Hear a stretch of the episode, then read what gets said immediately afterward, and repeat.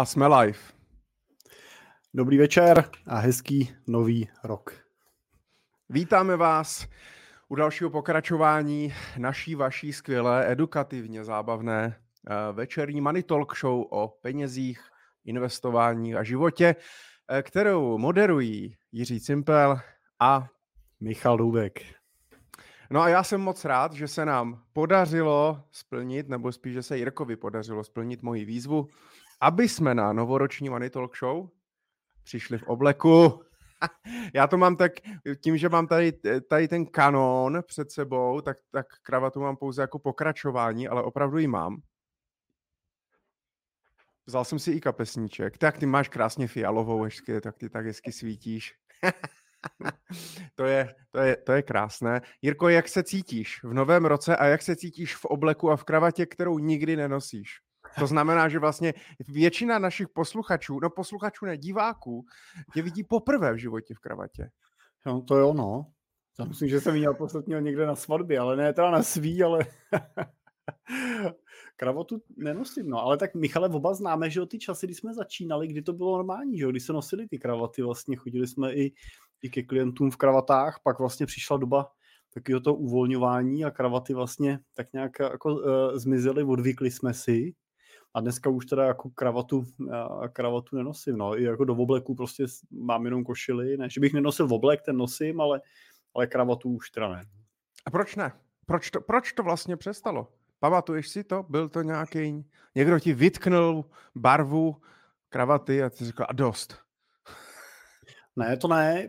To, to si ani nemyslím, že bylo jako, že by vůči mě někdo, ale byla ta doba prostě, že jo, kdy se kravaty přestaly nosit? Vlastně v jednu dobu po si všichni nosili a pak prostě v jednu dobu, já nevím, mám pocit, že to byl někdo kolem takový ten rok mezi 2.5, 2.10 prostě se to začalo jako uvolňovat a, a vlastně si začal být, předtím si byl jiný, když si kravatu nosil a pak mám jako pocit, že už všichni byli alergický, přišel někdo v kravatě, ne? Že byla pak ta doba, kdy bylo těch poradců moc, prostě každý, každý vysokoškolák, středoškolák prostě byl, a byl finanční poradce a chodil v kravatě, takže když někdo šel v kravatě, tak si vždycky dával pozor, tak možná pak se přestali nosit, nevím, no, nevím.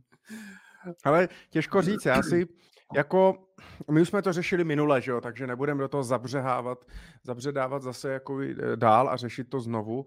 Já, když jsem se do toho soukal, eh, taky samozřejmě se stalo to, že jo, že sice mám oblek na míru, ale byl šitý před sedmi lety a za tu dobu jsem trošku kilo, přeci jenom budu upřímný, trošku kilo přibral a tak jako je to takový, říká se, že když máš oblek na míru, takže ho ani necítíš na sobě. No tak já ho trošku cítím, cítím menší pnutí I, i na košili, ale eh, my to kvůli vám vydržíme, aby, aby jsme tomu dali trošku nějakou důstojnost a, a dokonce jsem objevil, že jsem si nechal, mám oblek z Deloru, a tam dělal, možná tam ještě dělá kamarád, Ríša Hájek a uh, on mě říká, hele, nechceš tady uh, jakoby našít nebo prošít speciální kapsu na telefon. Ona se, protože ty samozřejmě mobil nosíš jako v náprsní kapse, jenže tam ti to udělá vlastně jakoby za prvý bouly, za druhý, když zapínáš to sako, tak, tak prostě ti to, jo, je to tam divný. A on říká, my to jsme zvyklí tady dávat trošku níž jako podpaží, tak jako do boku a on se tam tak ztratí hezky. A já jsem říkal, no jo, tak, tak, tak jo, tak jsme to udělali na můj tehdejší iPhone, ale telefony se taky trošku zvětšily za ty roky. no počkej, ale jestli to máš takhle vzadu, tak chápu dobře, že když si jako pro něj teda saháš, to není vidět teda na tom tom. Tak je tak, kdybych šel pro Colt. Jak když jsi šel pro zbraň, viď? Jako to, dávej pozor, kdyby si měl někde něco jako exponovaného takového, jo? dělal si s nějakým politikem rozhovor, tak tam bych si telefon nevydával. Teda v tom jo? Ne, ale fakt vůbec není, když zapneš sako, tak ten telefon vůbec necítíš, vůbec to není vidět, nedělá ti to bouly a fakt je to, fakt je to jako super, jenom jsem mi ten telefon tam nevleze prostě, no. Musel bych se vrátit k nějakému SEčku nebo 5S eh, nebo něčemu takovému. Mimo Mimochodem, Zek má ale velmi dobrou připomínku a já jsem se tě chtěl na to zeptat. Uh, jsme teda píše slavnostněji než na Vánoce. Ti z vás, kteří poslouchají samozřejmě Money Talk Show třeba pravidelně ze záznamu a formou podcastu, třeba v autě a tak dále, tak se na nás můžete podívat jak vypadáme v obleku. Často nás takhle, je vidu, že opravdu často nás takhle nepotkáte. A ptá se, jestli máme i kalhoty, protože samozřejmě, že jo, v doba covidová, tak bylo nejvíc různých storíček a reelsů právě na tom, že se dělali zoom cally, měl z kravatu eh, oblek nebo sako, košili a byl si v trenkách, že jo. Tak Jirko, máš i kalhoty? Mám i kalhoty. Ukaž. No, tak ukaž ty. Dobře. Oni jsou tmaví, nevzal jsem to teda. Máš ale i v oblekový kalhoty. Tak já ukazovat nebudu. Já teda jsem si nevzal v oblekový kalhoty a vzal jsem si normálně kalhoty jako džíny. Já jsem říkal oblek. No tak já jsem nevěděl, že u toho budeme vystupovat kompletně. Hlavně si mi slíbil, že si to pak můžu začít sundávat v průběhu. Už teď je horko v tom tady, to. Ach jo. No takže, takže oblek to je jako velmi zajímavé, ale jak jsem říkal i minule, mě to vlastně mrzí, protože mně se obleky hodně líbí, nebo líbí se mně, když je člověk hezky oblečený. Přece jenom to i dodá, když potkáš někoho v obleku, v saku, nebo prostě, jo, e, a ne v tričku, e, tak e, prostě vypadá to líp a hnedka si toho člověka zařadíš do takový nějaký jako jiný skupiny a prostě seš k němu, chová, chováš se k němu vlastně, jo, trošičku jinak. Uh, a tak nějak to jako cítím, ale... No počkej, ale to mě zaujalo, protože jsem mhm. pochopil mm-hmm. teda, co si říkal, že si ten oblek neměl na sobě dlouho, takže ty ani jako pracovně nenosíš teda oblek nebo sako a tak? Ne, ne, vůbec. Tak, tak já, tak, já, my, jako já teda normálně nosím, jako chodím, jako v obleku, nebo, nebo prostě v saku, nebo v nějakých kalhotech k tomu, nebo i jako k obleku, jako komplet. Chodíš v kalhotech, jo? Občas jo, ty klientům. Jo, jako kalhoty nosím vždycky teda. Kalhoty chodím vždycky. Ne, ale v tom, jako, v, jako v oblekových kalhotech, že máš ten komplet, že můžeš mít nějaký jo. mix, jo? takže mám, mám jako ten i ten, ale vlastně jako sako, sako nosím jako celkem jako běžně a to třeba zase mi přijde dobrý a třeba tu kravatu tu kravatu třeba už nenosím třeba zase jako z dnešního pohledu, ji třeba nenosím zase, eh, protože eh, snadno by si u toho klienta byl takový jako overdressed, jako, že až jakoby že on, on tam prostě sedí v džínách a v tričku, že já přijdu v, v košili a v saku nějak jako dramaticky nevadí a když si tam sednu v kravatě, tak už budu jako hodně přes a mám obavu, že bych už snadno se jako potom a. řadil do té kategorie toho, a. já nevím, že jsem v bance prostě na pobočce prostě nebo No, a teď právě ještě otázka, když ti přijde do kanceláře a budeš v tom obleku v té kravatě, sedneš si do toho velkého koženého křesla, před sebou tu velkou obrazovku, do které ti ten klient nevidí a klienta posadíš na takovou tu obyčejnou židli bez madel, prostě bez ničeho, by to bylo nepohodlný a ty... Mm-hmm. tak to chápu, to je, to je třeba fakt nepříjemný, to je blbý. Možná, já mám pocit, ono se samozřejmě bude hrozně prolínat, protože my už Money Talk Show vysíláme, Jirko, začínáme třetí rok, je to neuvěřitelný, ale začínáme třetí rok. Tohle je 28. epizoda, uh, což samozřejmě nevychází vzhledem k tomu, že máme mít každý měsíc, a má to být třetí rok. Ale některý, ne, některý nebyli, o prázdninách nemáme a tak dále, takže opravdu je to třetí rok, začínali jsme fakt, kdy jsme, tyjo, hej, nezačínali jsme ještě novoročně, nepamatuješ si to, já se schválně podívám. Já mám Myslím, že jsme pocit. začínali uh, v zimě, že novoročně to nebylo úplně. Uh, bylo to 4. 4. ledna, uh, 4. ledna 2021. Jako, první? První 4. ledna 2021 jo? byla první. Hm, Takže to bude tři roky za tři dny.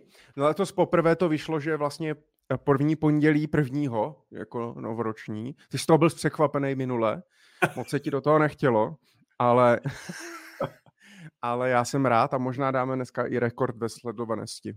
Třeba. Hmm. Takže to vypadá dobře. Takže, takže jenom ale, abych se, ti, abych se vrátil k tomu, co jsi říkal, tak já opravdu jako nějaký saka mám, ale nenosím. Beru si sako, když jedu na nějakou konferenci nebo na, na nějaký jako jednání důležitý nebo něco. Ne, že by jednání s klienty nebylo důležitý, jo? ale přesně jak říkáš, uh, já prostě se vlastně vedle nich chci cítit jako oni, jako normální člověk. Přesně jak ty říkáš, ne overdressed, ne něco víc, přijet tam nějakým jako mega drahým na míru v obleku a v mega cool autě a tak dále.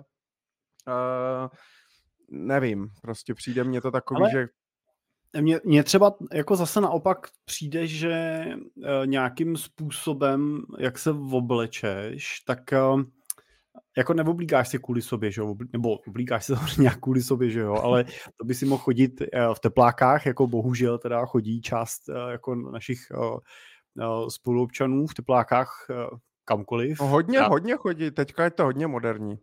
Já bych možná rád řekl, že já si nemyslím, že ani značkový tepláky nedělají z tepláků jako oděv do společnosti stále jsou oděvem na, na, na, na sport, jo, nebo třeba domů k televizi, ale myslím si, že ani, jako na, a, ani nakupovat nemusím chodit v teplákách, jako se tam vlastně nepotřebuji koukat prostě na týpka super Adidas prostě teplákách, do kterýmu kouká prostě ledacos. Uh, tak um, si myslím, že prostě tím, jak se oblečeš, takže dáváš nějakým způsobem, jako, uh, že to děláš pro ty ostatní, že jo? aby se na tebe dobře jako koukalo. Že jo? A zase mně přijde, že jako ten oblek, uh, košile mě nestaví do nějaký jako pozice, kdybych nebo kdyby ten klient z té druhé strany prostě neměl být jako schopný se mnou jako mluvit, víš, jako že bych už byl jako moc. Naopak mi přijde, že tím prostě vyjadřuju nějakou úctu vůči tomu jo. člověku. Jo. A druhá věc ještě, co si taky myslím, že uh, já mám jako svoje klienty rád, uh, ale pořád je potřeba si uvědomit, že moje role u nich není role jejich kamaráda. Jo? To, a to mám jako pocit, že občas prostě uh, vídám to prostě u některých kolegů, kteří prostě právě jak s těma klientama mají ty kamarádský vztahy a podobně, ale hmm. to je vlastně jako falešný přátelství, jo? jo? Protože prostě pokud jsi kamarád s, ně, pokud jsi kamarád s někým, uh, protože ti za to platí nějaký peníze, jo? protože prostě ti, ať už je to ve formě provize nebo v nějakým honoráři, no tak to je falešný přátelství, že jo? to není jako eh, žádný přátelství postavený u upřímných základech. A ty uh, klienti třeba, který já mám, tak oni jako mají svoje jako bohatý životy, mají svoje bohatý vztahy a nenajímají si mě proto, aby získali dalšího jako kámoše jo, do, uh, do toho života, ale proto, aby získali někoho, díky komu třeba na ty kámoše budou mít víc času prostě, jo, nebo na ty svoje zájmy víc peněz a tak dál. Hmm. A, hmm. a, tak si myslím, že vlastně i to v oblečení vytváří určitou, jako, že to definuje určitý role, který tam máme a pomáhá to člověku zůstat jako v nějaký roli. Pamatuju si, že tohle kdysi, kdysi mi to říkal můj táta, že mají prostě nějakou skupinu, jestli to bylo v práci nebo kde, ve, které, ve který si vykají. Protože když si s někým vykáš, tak prostě takový to vyvole se prostě hmm. říká jako špatně, že jo. jo um, já si s mým tchánem vykám prostě do, do dneška a přesně jsme se to tam kdysi jako bavili a on tak jako říkal, no to je prostě tak, jako se nepošleme do prdele zájemně, že jo, a, a on, on, mi teda nevyká, já jemu vykám teda, jo, a, a, dává to prostor tomu ten vztah jako a, udržet a ne, ne, nerozbít, tak si myslím, že i ten oblek jako může tuhle tu, tu ale, jako vytvářet. No. Ale když jdete tkánovi, tak v obleku nejdeš, nechodíš, ne? Ne, to ne, to ne, tak, tak formální to není. A dědečku, ne, tak, dneska jsem si kvůli vám vzal. Ale ne, tak na tom je vtipný to, že se s ním jako bez problémů uh, můžu i opít prostě, jo? že můžeme jet prostě uh, na, na akci. A, a Jirko. Ty si pustil stikry, Michale. Nepustil jo. jsem nic a ani nevím, kde to je, ale trumpeta. No tak, ne, ne, trum, trumpetu ale Filip nechtěl. No, já, nebudu, já nebudu v obleku dělat trumpetu přece. Ne? Filip Horák posílá 30 korun. Děkujeme moc, eh, díky moc za podporu, snad je někdy najdeme. A samozřejmě zdaníme, jako určitě. Tak, zdravím no. všechny kolegy z finančního úřadu. Chceme říct, že ty ah. nálepky chodí k Michalovi Doubkovi, takže... Ne, ne, ne, já nevím, kde to je. já ne, nevím, kde to je. Ale ne, děkujeme, děkujeme za podporu. Opravdu aktivně bojujeme a snažíme se o to, aby jsme si vytvořili nějaký merch. A, ale pořád máme prostě málo, málo, málo sledujících. Jirko, co, co je, ty jsi, já jsem se... Chtěl, taká otevřít to okno, já chvíli, ještě se horko. horko. no, takže, uh, takže tak, tak uh, pojďme asi od mody. Ještě jsem se možná chtěl zeptat, kolik máš obleků doma, nebo kolik máš sak. A jestli si všechny šiješ na míru, anebo kupuješ uh, konfekci. Já jsem, já jsem konfekční typ, takže já mám na tom směru štěstí. Máš že... konfekční postavu? Hmm, hmm, já se vejdu hmm. jako do, do, do standardní konfekce. Takže chodíš Nevím. rád nakupovat? Uh, to ne, ale když už jdu nakupovat, tak se snažím to nakoupit tolik, abych dlouho zase nemusel. Takže to vždycky koupím, eh, koupím víc. Hele, nevím, sedm třeba bych mm. mohl mít sak. Mm. A jako různý, různý barvy, o různý vzory. Jo, jo, jo. Ty brďo. No jako, jako, že různý barvy v nějakém spektru, to jako růžový tam, růžový tam Tak nemám. pokud byste, měli, pokud byste měli zájem, Jirka třeba někdy udělá i vlog Uh, ohledně, modní, mo, já že vás, to... modní vlog, že vás třeba pozve do své skříně. Přesně.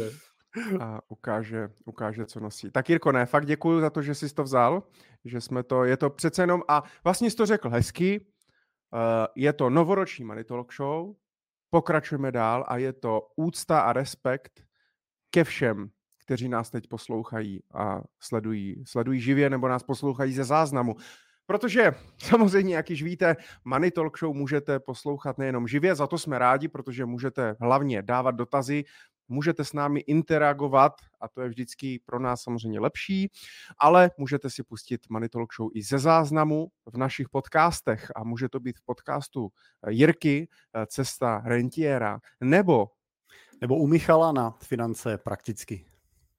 Je to tak. Přesně tak. Takže děkujeme, děkujeme za to. Eh, pojďte klidně, jestli vás něco zajímá, já tady pustím jezdící banner, jestli vás něco zajímá, jakýkoliv dotaz i k našim životům, k penězům, k investování, k nějakým novinkám, k úsporným balíčkům a tak dále, tak eh, můžete prostě cokoliv, co vás zajímá, tak my budeme rádi, protože nemáme úplně, nemám úplně připravené nějaký extra, extra témata, na dnešní večer a říkal jsem si, že si tak jako budeme povídat, ale nebojte se, budeme si povídat i, uh, i o penězích. A mimochodem, teďka jsem si vzpomněl, jak jsem říkal, ten úsporný balíček, tak jsem si vzpomněl na jeden vtip, který teďka koloval uh, internetem. tak ten mě, ten mě, ten mě pobavil. Tak ten je jenom pro diváky.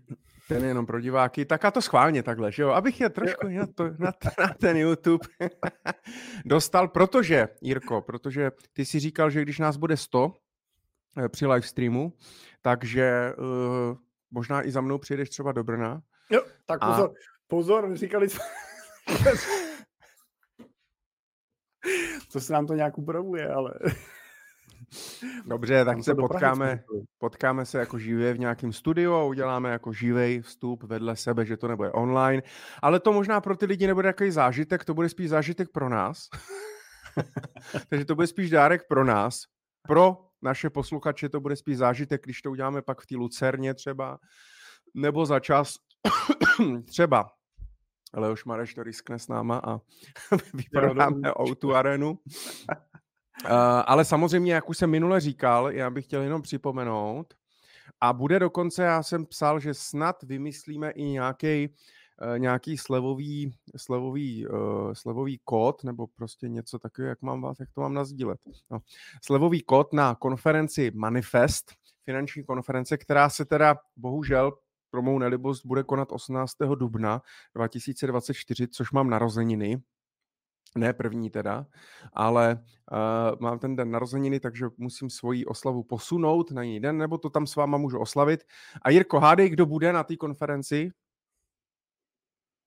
Ja, jako kdo tam bude další, nebo? Ne, tak kdo tam bude další, to máte jakože ti názvu udičku. Kdo tam vlastně bude? Proč o tom mluvím? No my tam budeme, jo takhle, jo, no. my, my tam budeme, Na, nás pozna... já teď jsem přemýšlel, kdo tam bude ještě další. My tam budeme samozřejmě Michale, že v panelové diskuzi nás pozvali. Ano, Finfluencery versus klasické poradenství.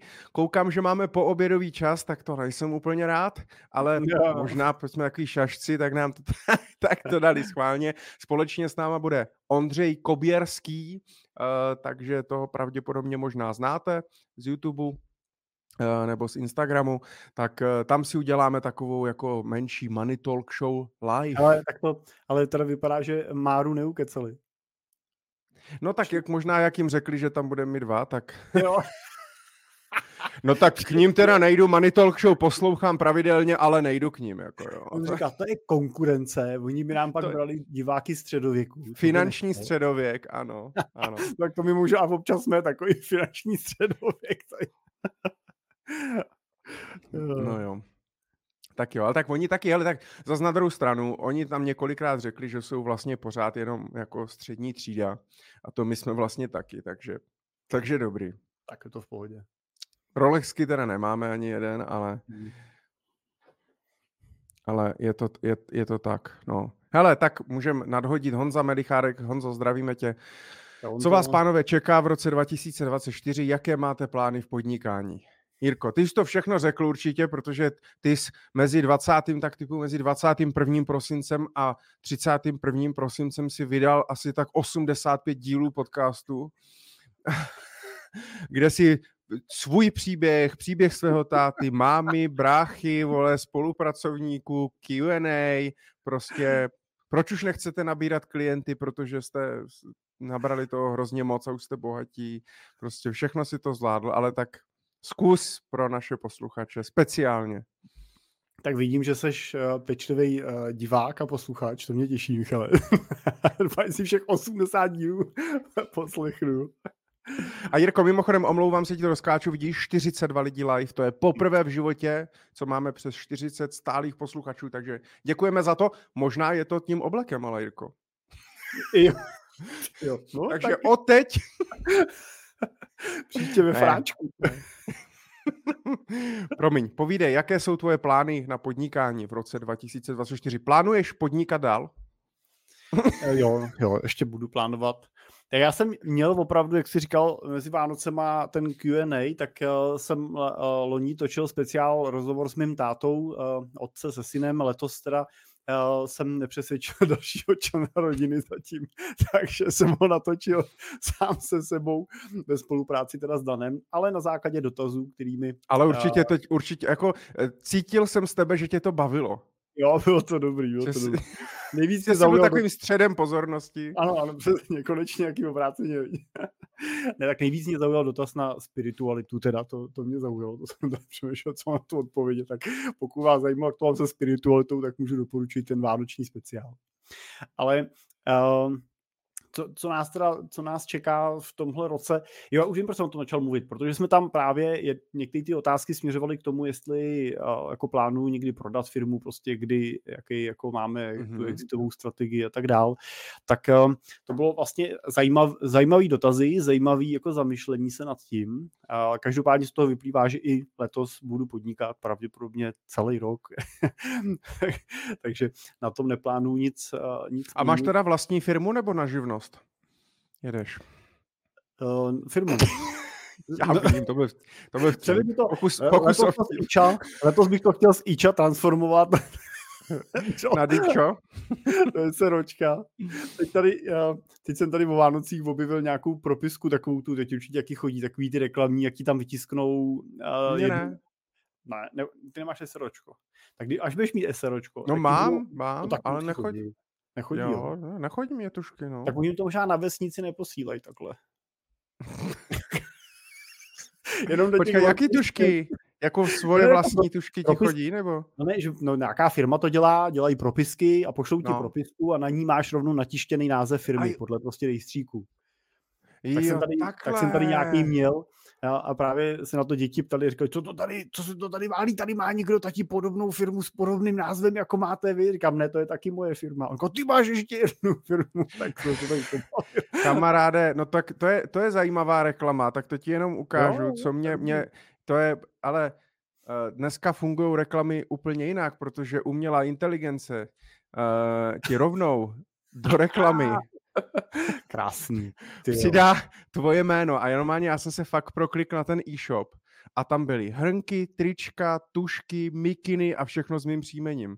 A já, jsem chvilku, a já jsem si chvilku myslel fakt, že to je, že třeba v Americe, víš, že prostě to něco je, nebo prostě chápeš. A pak jsem si fakt, pak jsem si říkal, a pak mě to došlo, že jsem říkal asi, že fakt na Facebooku, že vezmou to příjmení a rovnou to vlastně hmm. do toho automaticky hodí. a říkám, tak to je dobrý, tak budu jako, jako si udělat nějaký vlastní merch, no. Tak to mě pobavilo, hmm. promiň. Hmm. hmm. Povídej. To je hezký. No tak my určitě plánujeme letos jako růst, že jo, navyšovat AUM, chceme pokračovat v tom, že to nebude jenom jako do kvantity klientů, ale do velikosti klientů, což se nám dařilo v tom závěru eh, loňského roku hodně jako navýšit eh, několika jako velkýma eh, klientama, jsme zavírali na 1,4 miliardy a jestli to bude na konci toho letošního roku 1,7, 8, 9 nebo 2 miliardy, uvidíme. To nebo asi... 4, pět, šest. No, Nebo, no.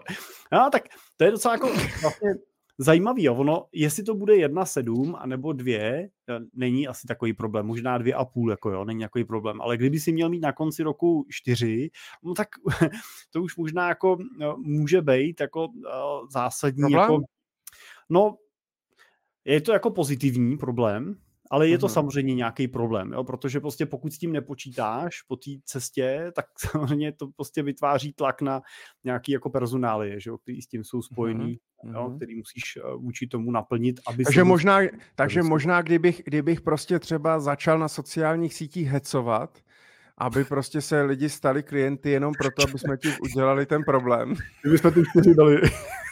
A, tak, Dáme a, společně 4 miliardy. Tak já jsem pro. Teď všichni frčí vždycky ty, ty ne, ten milion odběratelů na YouTube nebo vždycky nějakou takovou metu, ne, takže bychom mohli hecovat teda miliardovou no, metu. A, a, do, a, tak bychom ti museli udělat nějakou plaketu, tak bys dostal zlatý odznak. Přesně. No, tak jo. Uh, takže to je asi jako... A Jirko, uh, a dobře, dneska 1,4 no. miliardy, kdy to bude v dolarech? 1,4 no Dokážeš odhadnout třeba? A jako chceš to vlastně? Do, nebo dokážeš si to představit? No tak jo, v dolarech by to bylo na 30 miliard korun, že jo? Tak. Hmm. Ale já vlastně, trošku. já vlastně jako ne, no nevím, protože většinou do těchto těch čísel uh, rostou buď nějaký sítě, který to teda jedou spíš na počet klientů, že jo, na, na, než na objem těch klientů, což jako není náš případ.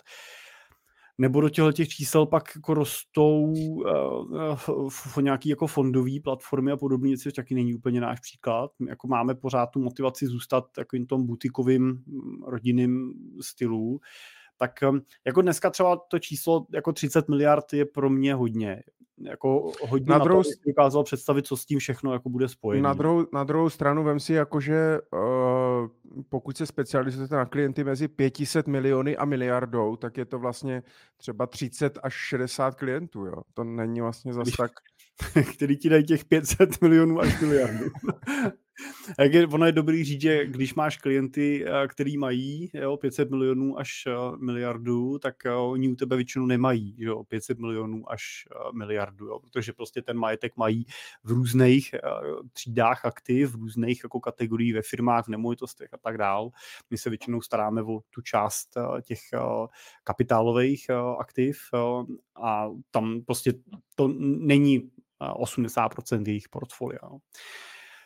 Eh, tak eh, nevím, když si to přepočtu a řeknu si, že, že se dneska na 1,4 miliardy staráme o, já nevím, řeknu 150 klientů, 160, 170, něco takového ty konto je, tak eh, kdyby to mělo být desetkrát tolik, to není desetkrát, to je, je to desetkrát. 10, 20 krát, že jo? Tak hmm. kdyby to mělo být jako na tak to nechci. Jo, na počtu klientů, kdyby to mělo být na to, že to jo. bude 2000 klientů, prostě, tak jako to, to nechceme, jo. To není... Takže prosím vás, kdyby tady třeba měl někdo 10 miliard, jo, tak Gírkovi zatím ne. Mm. Není připraven na to. ne, kdyby se s ním nějak popral, ne? Uh, je, to, je to rozdíl vlastně, jako máš pocit, že třeba je rozdíl mezi člověkem, co má 500 milionů a 10 miliard? No, to je, to je stejný, jako je rozdíl mezi člověkem, který má 50 milionů a 500 milionů. Jo? To jako, pokud někdo říká, že ne, tak uh, Tak je nemá. Tak je nemá, no. tak je nepotkává. No je, je to rozdíl, je to rozdíl v systému práce, je to rozdíl v eh, investicích, se kterými pracuje, je to rozdíl s jurisdikcemi, se kterými pracuješ, je to rozdíl prostě v profesionalitě týmu, který musíš mít k dispozici.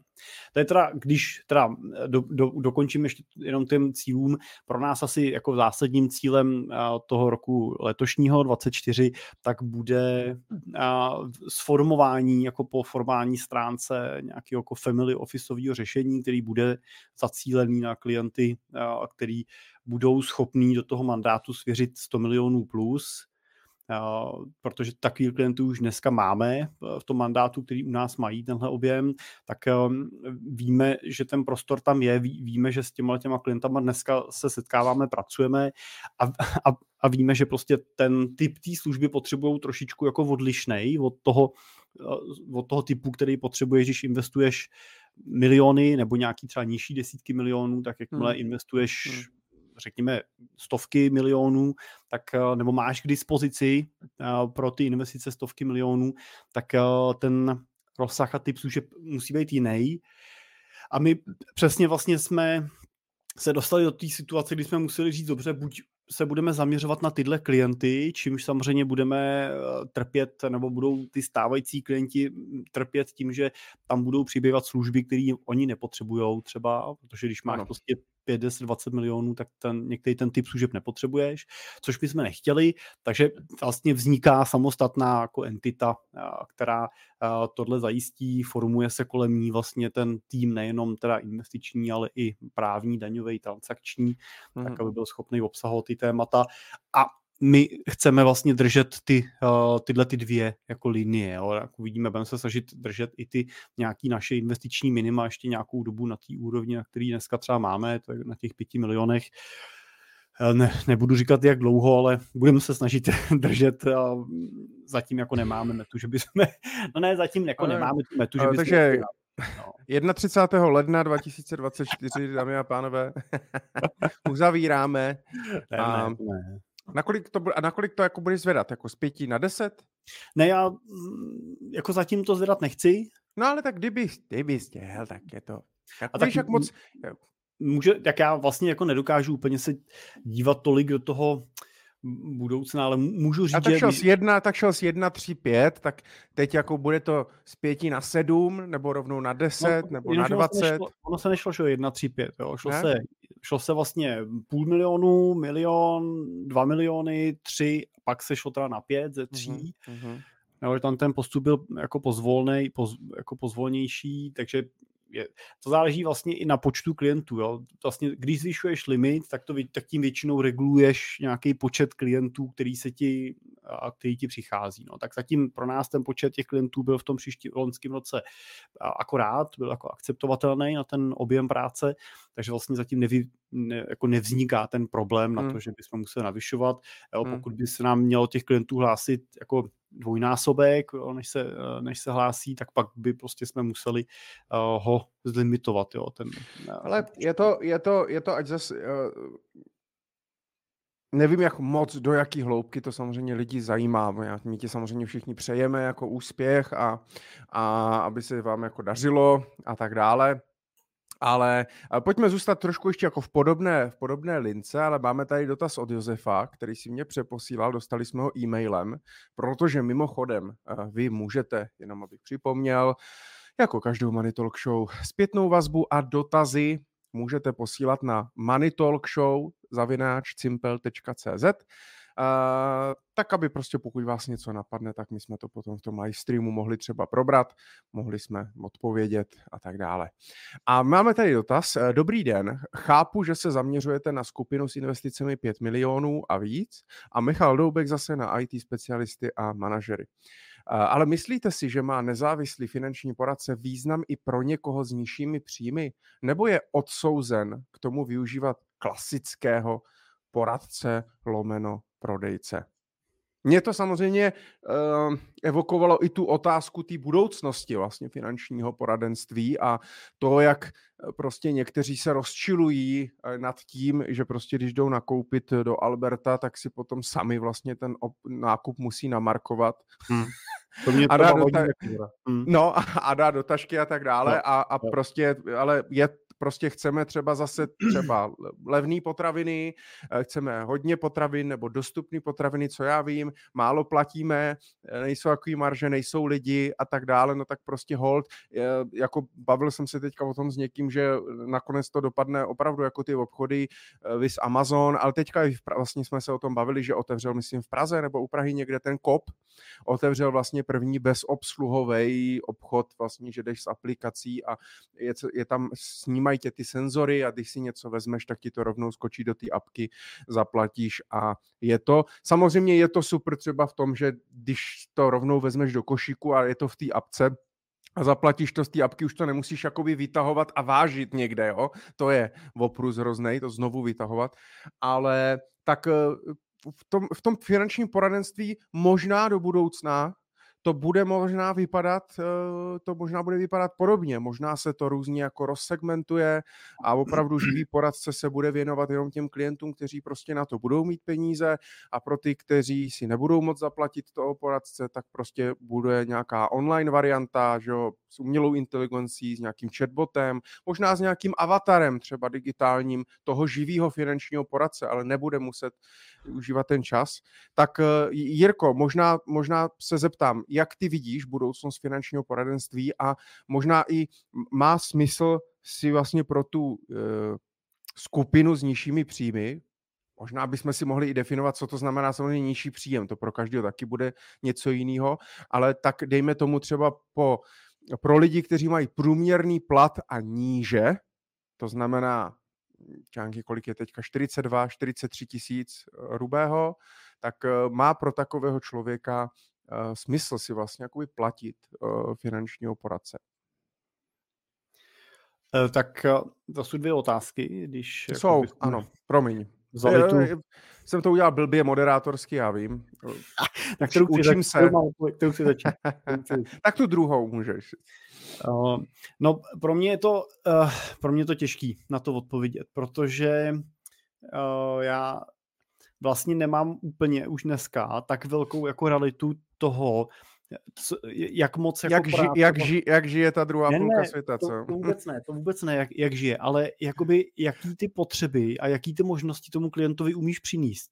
Jo, protože jo ten, eh, ten klient, se kterým my pracujeme v tím segmentem, jo, tím, že jsme specializujeme na ty investice, ten wealth management, tak on většinou řešíme primárně tu otázku investic, mezigeneračního plánování nebo u těch velkých klientů pak třeba majetkové struktury, podobné věci. A já už nemusím, nebo nedělám s těma klientama to, že bych s nima řešil jejich rozpočet třeba.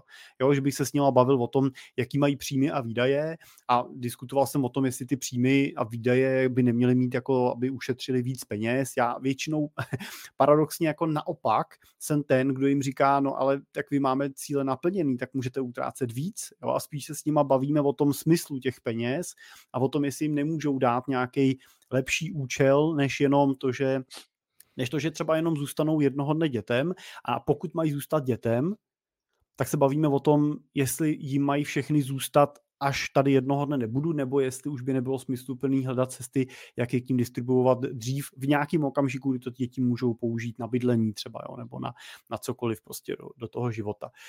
Takže uh, jako pro mě to těžký, protože na druhou stranu si ale uvědomuju, že je tady prostě většina té populace, že jo, v té kategorii, která naopak s tím rozpočtem třeba potřebuje jako tu asistenci, potřebuje tu pomoc a pomůže jim to, když e, to s nima někdo probere, když s nima někdo udělá občas nějakou tabulku, že jo, kde to saktualizujou, kdy jenom zvědomí to, že vlastně by měli něco odkládat. Já jsem jako se bavil přes svátky s různýma, s různýma lidma, s různýma kamarádama jako kolem a když jsem se třeba ptal, ptal na to, jak jako uvažují nad třeba svým jako stářím, nad, eh, nad jak, jestli si něco dávají stranou. A byla to upřímně, byla to taková jako řečnická otázka ode mě. Jo, jako, já jsem, no tak, jo, protože třeba mu bylo kolem 50, tak jsme se bavili a on takový říkal, no tak už je 50, že jo, taky ta, jako nebudu pracovat jako do nekonečna, že jo, bavili jsme se o nějakých jako martýrích, který prostě v té práci zažívá, o tom, že ten plat zase neroste tolik prostě a tak dál. A uh, já jsem říkal, no tak jasně, no, tak ale asi si, když ho dáváš něco stranou, tak nějak přemýšlíš o důchodu, tak jsem se chtěl zeptat, moje otázka směřovala k tomu, jestli jako odhadne, kdy bude moc přestat pracovat.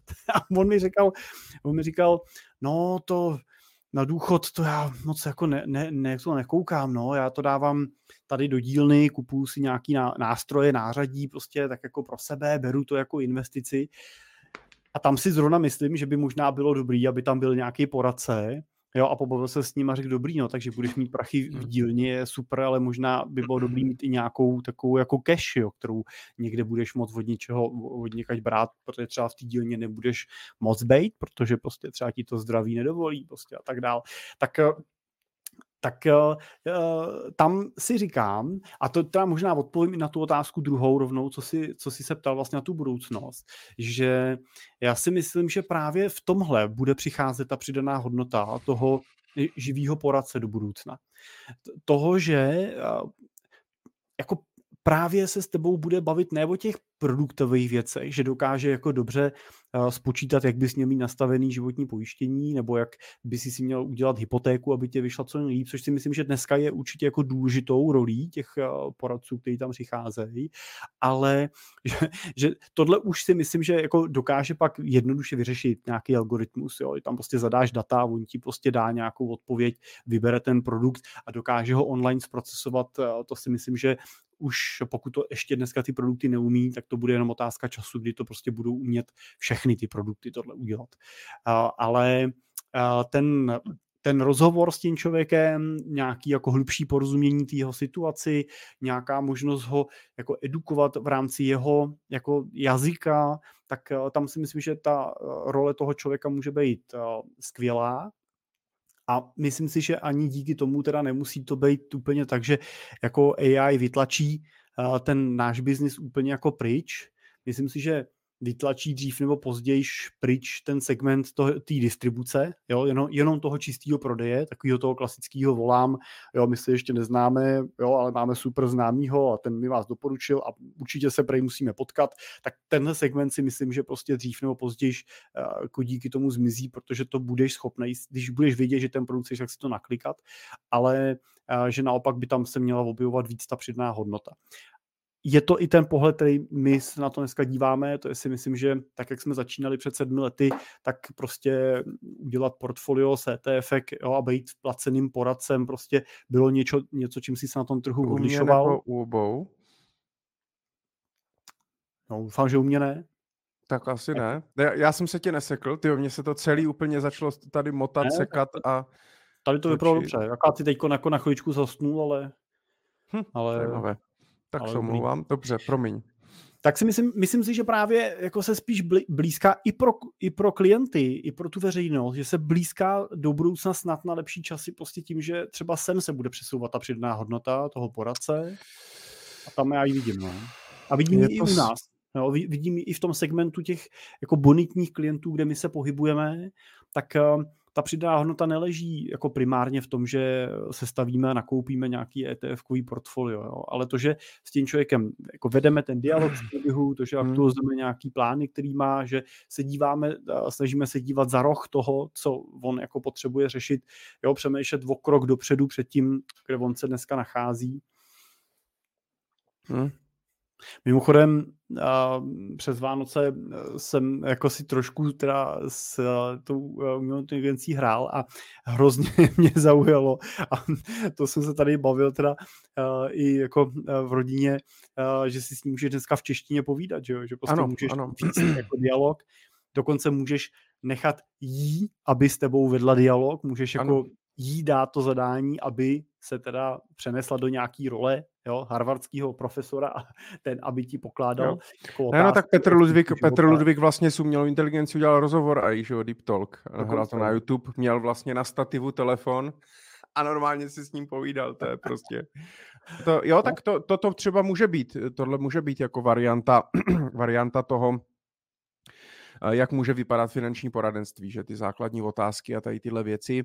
Samozřejmě ale pořád, uh, pořád si myslím, a to je třeba důvod, proč mě to pořád táhne tak strašně k tomu finančnímu vzdělávání a k tomu jako zvyšování finanční gramotnosti. A nechci, se od, nechci to úplně pustit, nechci se od toho odpoutat. Uh, protože mám jednoduše pocit, že žijem ve strašné bublině. a uh, kolik ty znáš lidí? Jako stovky, nižší jednotky tisíc třeba. Jo? A, a tak ti přijde, že všichni, je to jak s podcastama. Eh, já podcastama žiju, jo, poslouchám v podstatě každý den nějaký. A začínal jsem podcasty, že jo, tvořit prostě před, před pěti, šesti rokama a poslouchat už, jako já nevím, před osmi rokama. A mám pocit, že prostě kolem mě všichni poslouchají podcasty. Že není nikdo, kdo by neznal podcast. Jo? A bavili se o tom i kluci ve středověku a Martin vymětal právě, protože má že, tu marketingovou nebo agenturu reklamní a tak, tak říkal prostě pořád podcast je vlastně jakoby níž nějaká, jo? že to je fakt jako úzká skupina lidí, že pokud chceš oslovit masu, tak jdeš fakt noviny, televize prostě, jo, a, a tak dále. Podcast to je, ty máš pocit, že jako podcasty poslouchají všichni, ale to je, fakt je to hrozně málo lidí. A je to stejný jako eh, s tím, kolik lidí vůbec vlastně umí ovládat AI a vůbec je to jakoby napadne to nějak řešit.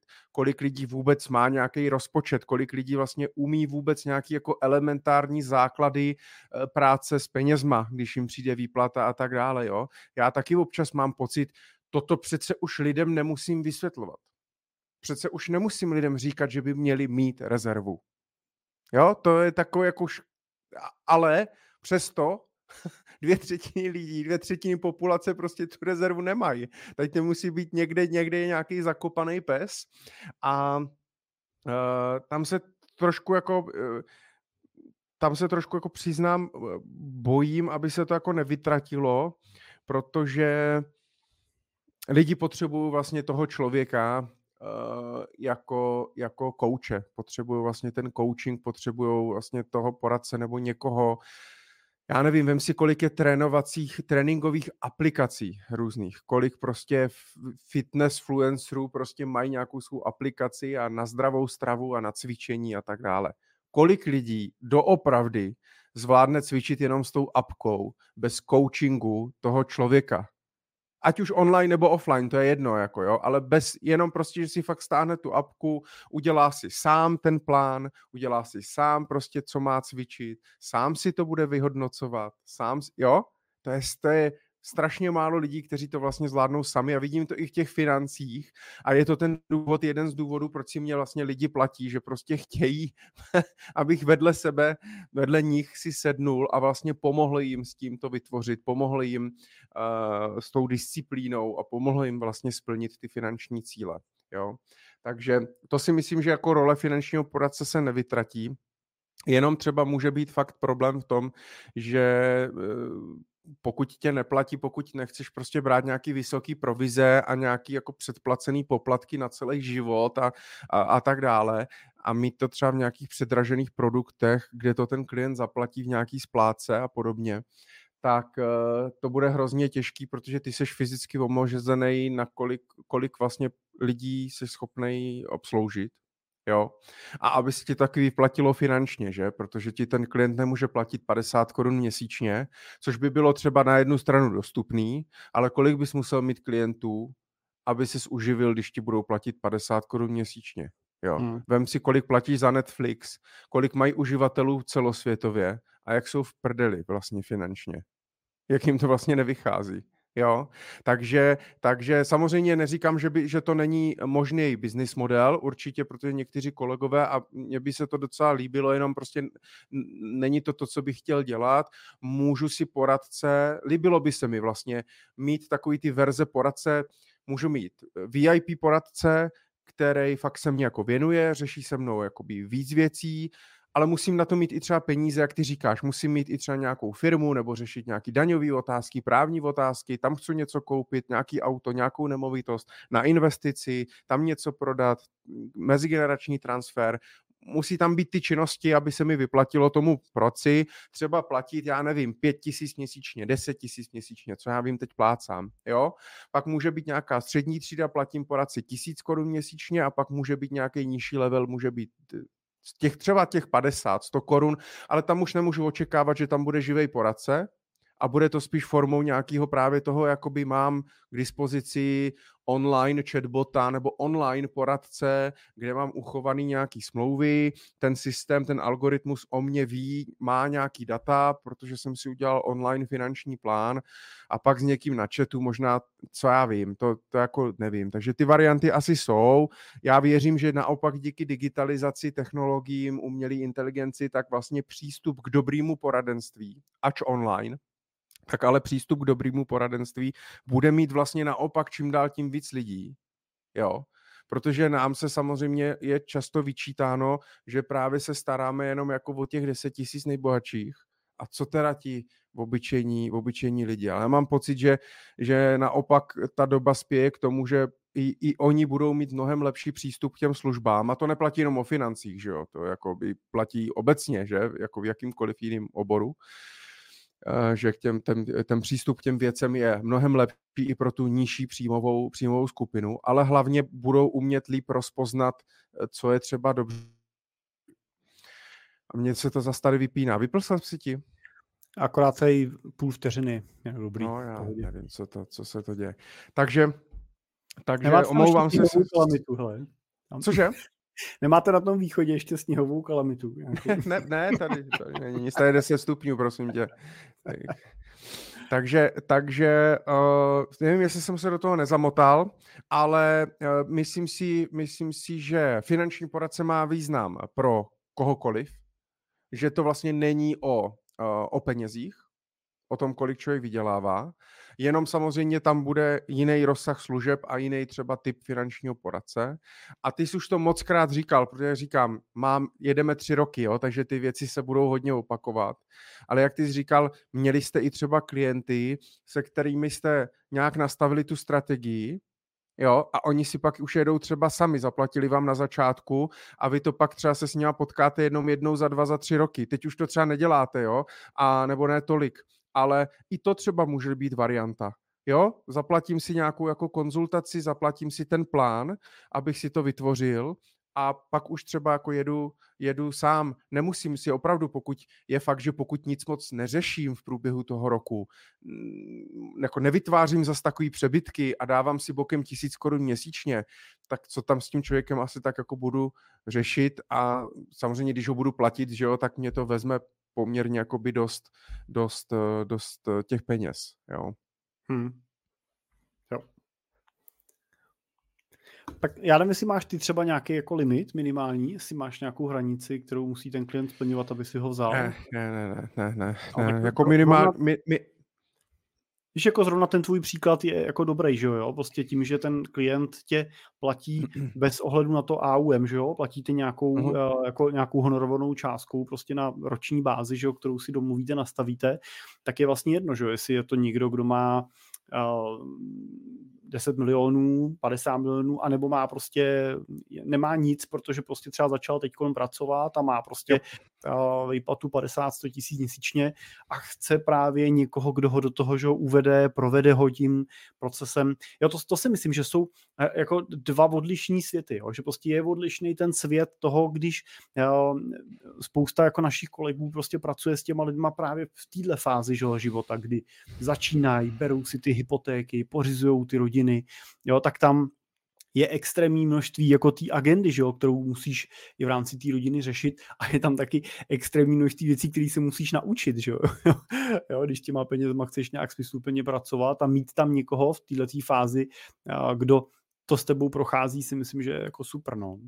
Jo, my zase jsme v té druhé fázi, kde zase ten člověk transformuje často to bohatství z toho podnikatelského života do toho rentierského života a tam je to zase podobně. No. Stejně tak je tam spousta věcí, které se musíš, eh, musíš naučit, musíš eh, změnit, musíš přijmout. Jo, tak mm, speciálně v těchto těch obdobích transformace si myslím, že ta, eh, ta spolupráce prostě s někým, kdo už to něko, už to jako mnohokrát přede mnou dělal s někým, hmm. už to jako viděl, už tím uh, někoho proved, jo, už někoho viděl, jak tam udělal nějaký chyby, kopance, že jo, tak pomůže, no. Michale, Vždycky je lepší, baví... když si najdeš někoho, kdo už to dělal, no. Jo, přesně. Tě tím provede. Hele, a ještě si, ještě si nám řekl, ještě si nám řekl ty, co chystáš na ten letošní rok, co máš ty v plánu? Hele, mně se to tady nějak celý, já nevím, celý se mě to seká, tobě ne? Ne. ne. Já jsem z toho nějaký nervózní, protože mě opravdu tady nějak to vypadává, nevím, jsem tady povypínal, co můžu. Tak doufám, že mě tady zase nerozkopl někdo nějaký kabel venku. Nám tady upravovali chodník. Uh, ne, plány jsou, plány jsou jednoduchý. Uh, já chci uh, víc, víc tlačit do toho finančního vzdělání. Chci jako vytvořit nějaký unikátní jako online kurz právě na, na finanční plán a na finanční plánování pro lidi, kteří si mě třeba nemůžou právě dovolit jako naživo, Eh, ale já bych jim chtěl hrozně pomoct. Já se nechci uzavřít, to je právě to, že se nechci uzavřít do té ulity, budu se starat o 30 miliardářů a, eh, a vlastně ten svět mě jakoby nebude zajímat, jo, takže mě to vždycky hodně táhlo k tomu vzdělání a k tomu hodně jako pomoci prostě té společnosti. A je to určitě jako, já nevím, je to určitě jako výzva, je to strašně zajímavý pomáhat někomu, kdo má miliardu, prostě řešíš jiné věci, ty se tím učíš neskutečně, tebe to posouvá v tom životě a vidím to na tobě, když jako vedeme i diskuze, které se nenahrávají zrovna a voláme si v autě třeba a podobně, tak je to jako, je to super vidět i ten tvůj posun.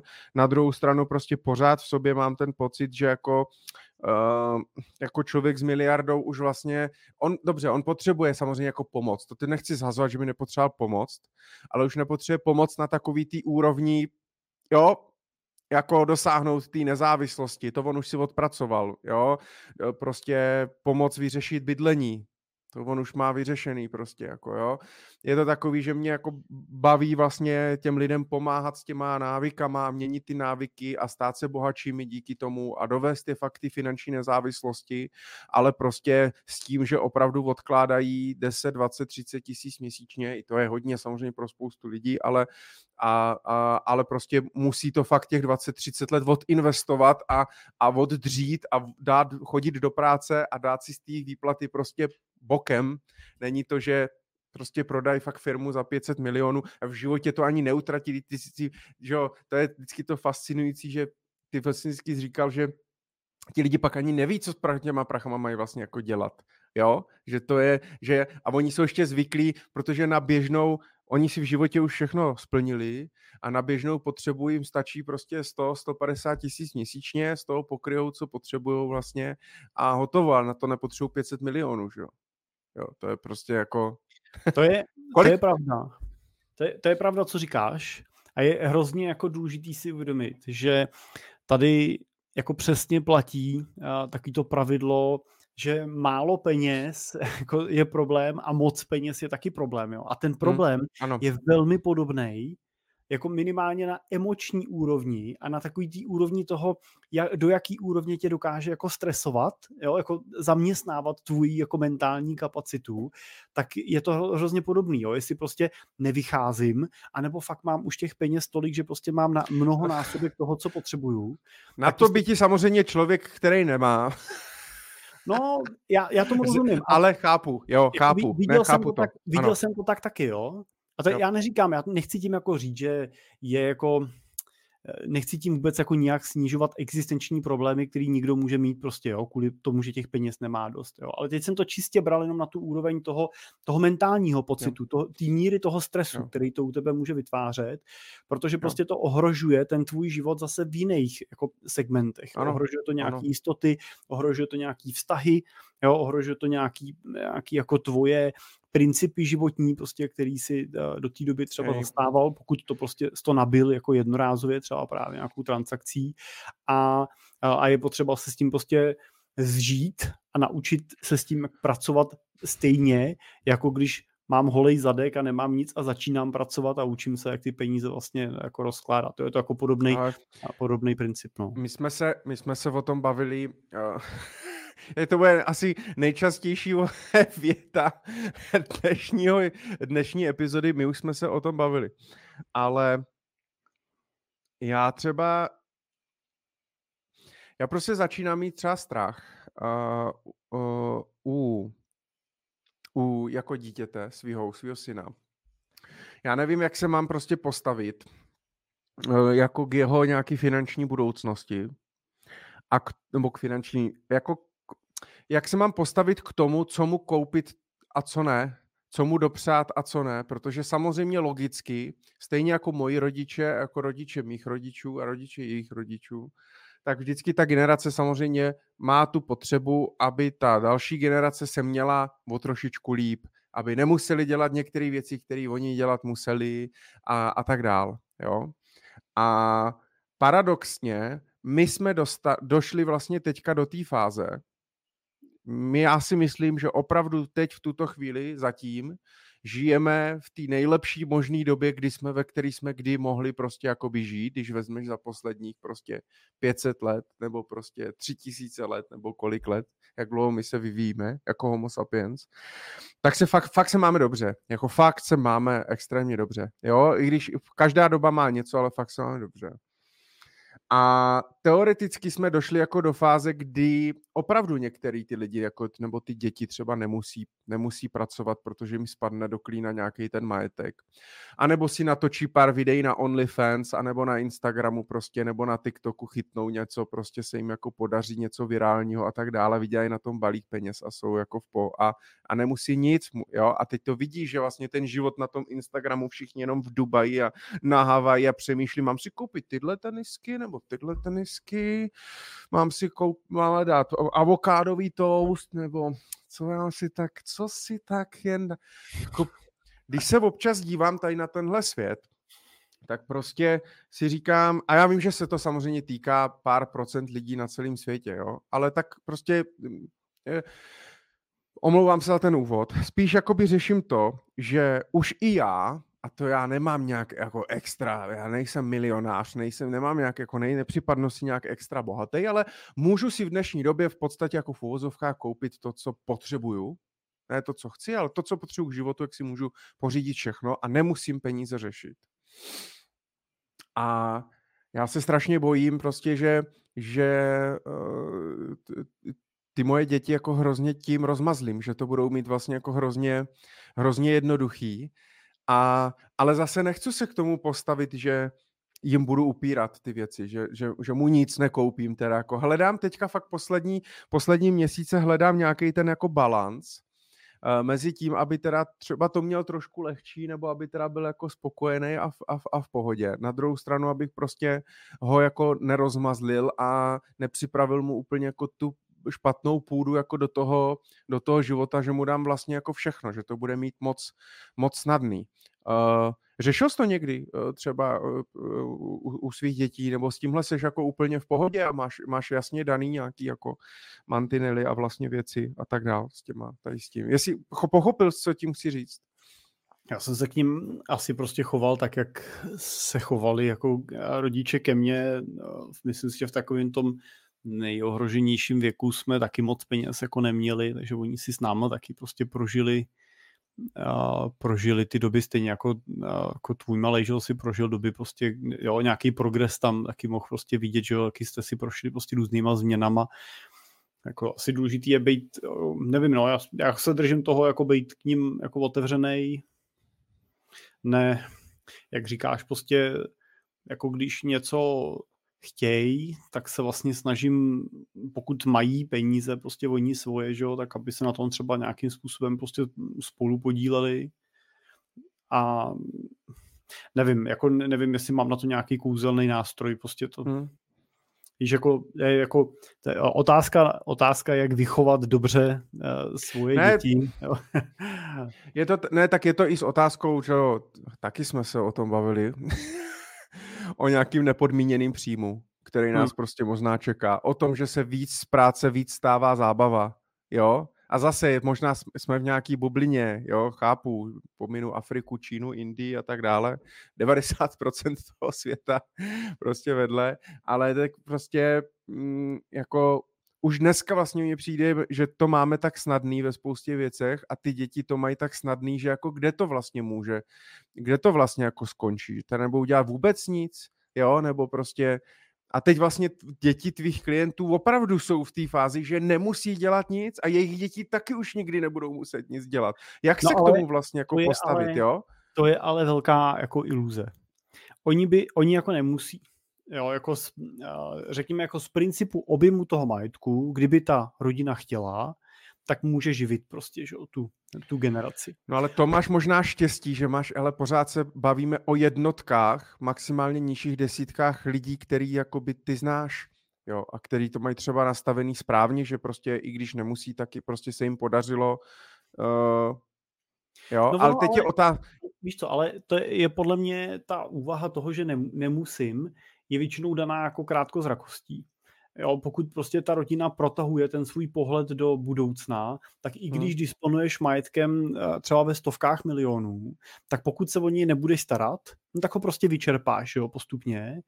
A pokud, toho nebu, pokud ty toky toho majetku v rodině nebudeš eh, jako řídit s tím nějakým svým jako horizontem, pokud si říkáš, dobře, já bych chtěl, aby, a teď to dejme v úzovkách, vydržel jako navždy, to znamená, aby neživil první, druhou, třetí generaci a pak neskončil, ale aby dokázal přispívat první, druhý, třetí generaci, ale pak i čtvrtý, pátý, šestý, no tak pak se prostě jako musíš dívat na tom, že i ta rodina na tom majetku musí pracovat, musí ho prostě zhodnocovat, to je jedna věc.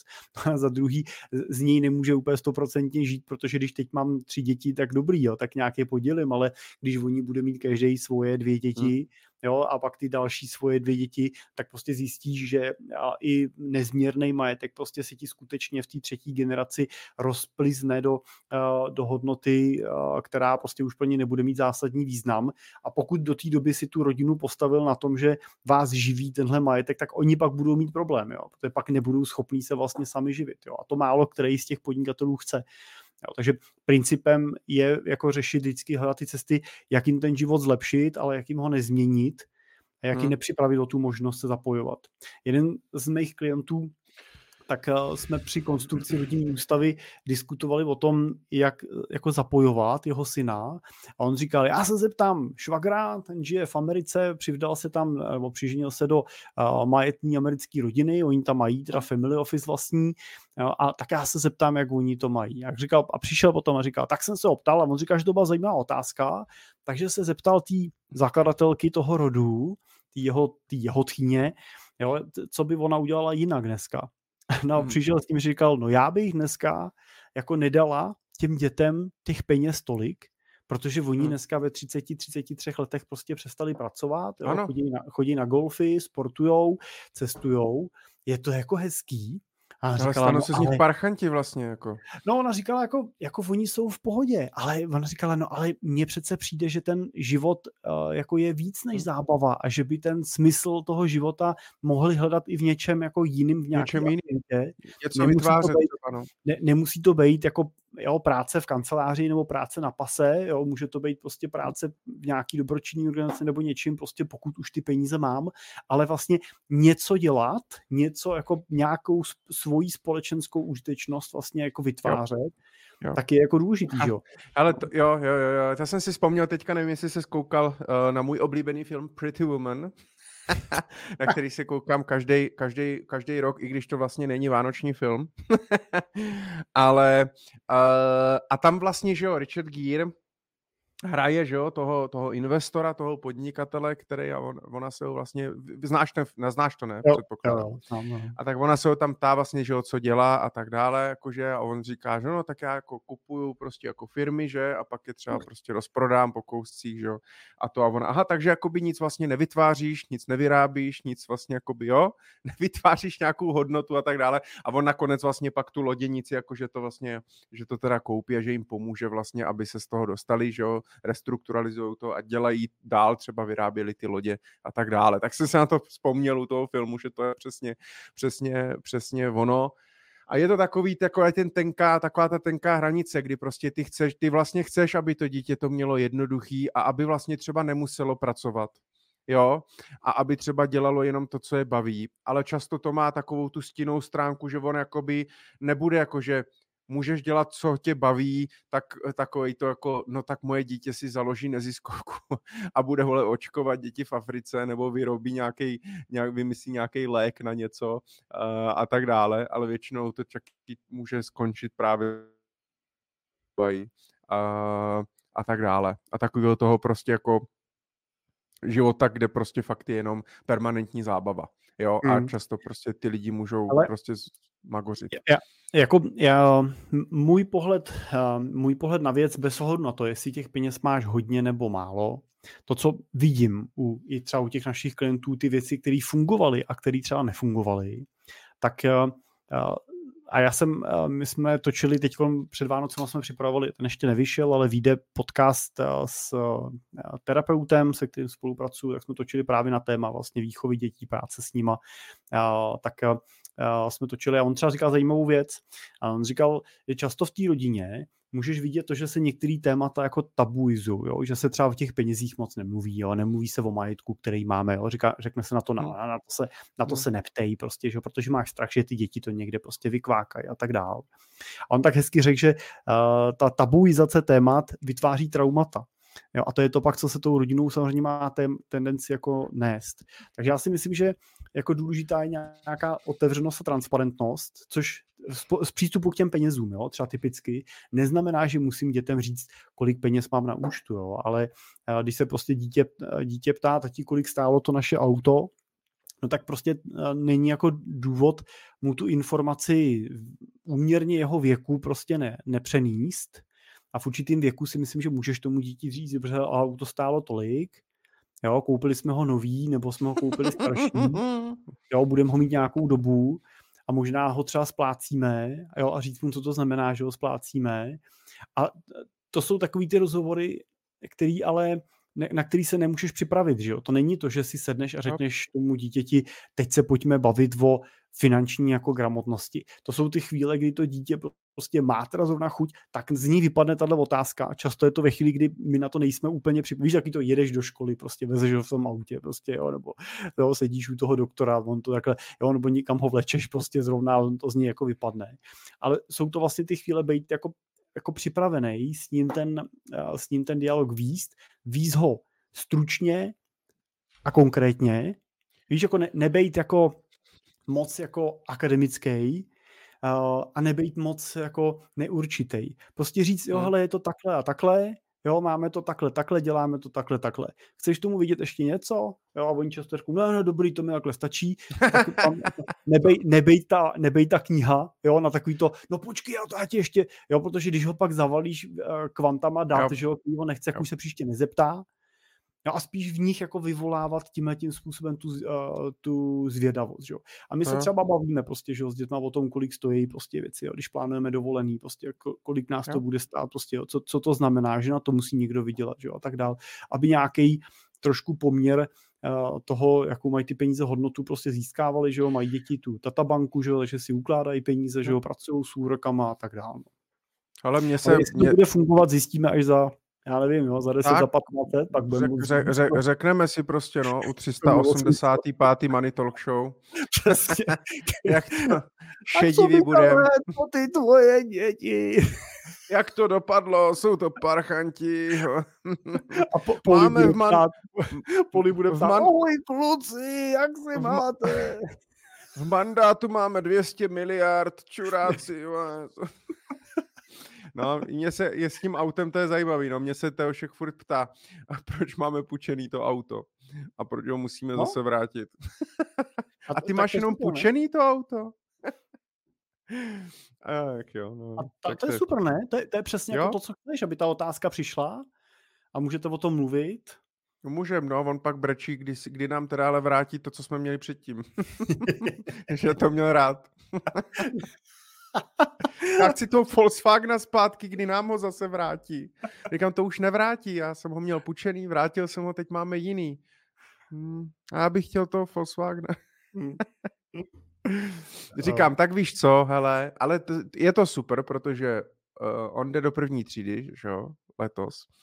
A, a příští rok budu vlastně eh, vybírat nový auto, 2025. tak jsem říkal, že mě pomůže, že už mě pomůže vybrat. A už je jako ve věku, ještě před tím rokem dvouma to úplně jako nechápal, teď už, teď už mě jako si myslím, že mě jako dokáže být parťák a dokáže mě jako pomoct to auto vybrat. On samozřejmě se pohybuje trošku v jiných značkách, uh, než uh, je moje možnost, ale to je, ale to samozřejmě taky mu můžu vysvětlit, že, jo? že nejsem Richard Chlad, že jsem Michal Doubek a že bohužel Bugatti Chiron opravdu není v mých finančních možnostech ani Lamborghini, ani Ferrari. Hm? Ale tak jo, je ne, určitě, to je důležité se o tom bavit a tak to mě jenom tak napadlo jako dotaz, protože to fakt řeším, mám prostě pocit, já nevím, jako kdybych, jako kdybych prostě uh, se bál, že se vlastně jako mám dobře. A tak taky jsem měl období, kdy jsem, je, že jo, kdy jsem jako bojoval, nedařilo se mě, že jo, víš moc dobře, že jsem si jako prošel exekucem a tak dále, já se za to jako nestydím, je to nějaká škola, naučil jsem se tím spoustu věcí, ale mám pocit, že opravdu jako uh, jsem, že, že fakt se máme jako dobře, obecně mám pocit, že lidi si toho moc jako neváží, jo, a a tak. A bojím se spíš skrz ty děti, skrz, prostě aby se opravdu nestalo, že prostě nebudou nic dělat, nebudou chtít nic vytvářet, nebudou chtít prostě pracovat a tak dále. Hmm. Jo.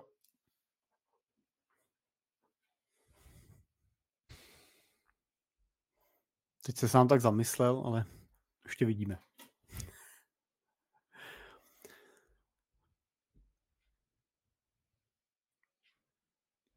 Což tam Jirko, no, dneska bude asi One Money Talk Show, protože jenom s tebou. Ale já vůbec nevím, co se děje. Já už, jsem, já už si nechci dělat z Brna srandu, tak já už nic nebudu říkat. já vůbec nevím. A posledně to, posledně to tam eh, chroupalo mě, tak teď to chroupe tobě. No já vím, ale nevím proč, jako jo, jako nevím, co se, co se, co se děje. Slyšíme se? Jo, jo, teď v pohodě. Slyšíme, se, vidíme se, pořád, vole, to se vždycky směju, mám s nějakým klientem vždycky Zoom a slyšíme se, vidíme se, už tři roky. ano, nejčastější věta a to vždycky říkám, tak máme to nejhorší za sebou. tak Michale, když už jsme teda ten finanční jo, uh, money talk show, tak možná se, neměl... já se bojím, že když se, Nezás, já se bojím, že když se odpojím, tak to vypnu totiž celý ten stream. Mm, to bys nemusel úplně to tak děkujeme za, vaš, děkujeme za vaše dotazy a vaši pozornost. Hele, tak já než si tam s tím pofockuješ, tak možná jenom doplním, uh, vždycky mluvíme o těch úrokových sazbách, že o centrální banky, tak uh, teď před Vánocem jsme dostali první uh, dárek, možná pro někoho dárek, uh, pro někoho teda to spíš jako za trest, ale uh, Česká národní banka vlastně snížila úrokovou sazbu, uh, snížili vlastně na 6,75%, takže uh, začínáme teda vidět ten trend toho opačného směru, eh, tak jak jsme viděli těch posledních letech růsty sazeb, tak teď pravděpodobně budou následovat další centrální banky, uvidíme, eh, uvidíme ten pohyb směrem dolů, což určitě bude jako pozitivním signálem eh, pro, nebo finanční trhy to očekávají a už ten závěr roku byl velmi jako pozitivní v tomto očekávání. Ale možná jsem chtěl říct jenom zajímavost, takovou jako pohled na ten loňský rok, který byl jako velmi pozitivní pro finanční trhy. Když se podíváme na ty globální indexy, tak americký index S&P udělal 24%, 25 skoro. Když se budeme dívat na S&P v delším horizontu a podíváme se na něj třeba v pětiletém horizontu, tak byl dokonce nejziskovějším indexem ze všech indexů byl na úrovni za těch pět let vlastně narost o neskutečných 89%, takže to byl opravdu jako obrovským tlačákem toho růstu, ale i globálním akcím, pokud prostě jste nespekulovali na Ameriku, tak se dařilo a udělal ten globální index 20% nebo necelých 20%, za těch pět let narost ten globální index o necelých 60%. Takže ten loňský rok byl velmi pozitivní. Když bychom se dívali na nejlepší index, tak nejlepším indexem na tom na té roční bázi bylo Polsko, překvapivě, a který udělalo za loňským roce 44%. A je zajímavý říct, že nejhorším byl index, který měl minus 20%, a to byl Hongkong. Takže skutečně na prostý většině prostě to, na akciových trzích ten loňský rok byl růstový, byl směrem, směrem nahoru.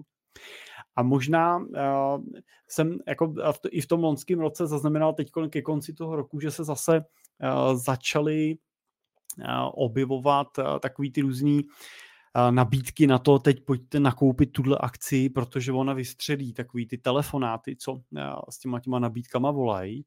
A tam je zase dobrý říct, že i když S&P 500 udělalo v loni 25% a mohlo by se říct, dobře, tak se mohl koupit jako cokoliv, tak to třeba nebyla pravda, jo? protože na indexu S&P, pokud jste se snažili vytipovat akcie, koupit si konkrétní tituly, tak jste mohli koupit vítěze kterým, kterým byl v tomto případě Nvidia, která v tom loňském roce udělala dokonce 250% zhodnocení.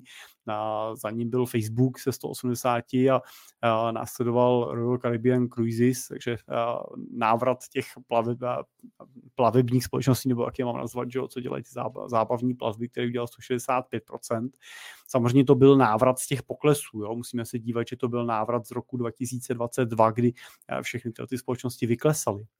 Ale to, co vlastně bylo zajímavé, se pak podívat na druhou stranu, a to je to, že eh, ve stejném indexu byly prostě i firmy, které eh, třeba 98% hodnoty ztratily, konkrétně byla teda Signature Bank, která zkrachovala, ale za ní tím velkým poklesem, tam minus 67% třeba dělali SolarEdge Technologies a i mezi těma firmama, které prohrávali, byly firmy jako třeba Pfizer, který v loni klesnul o 43%, nebo Modena, další prostě zdravotnictví. Takže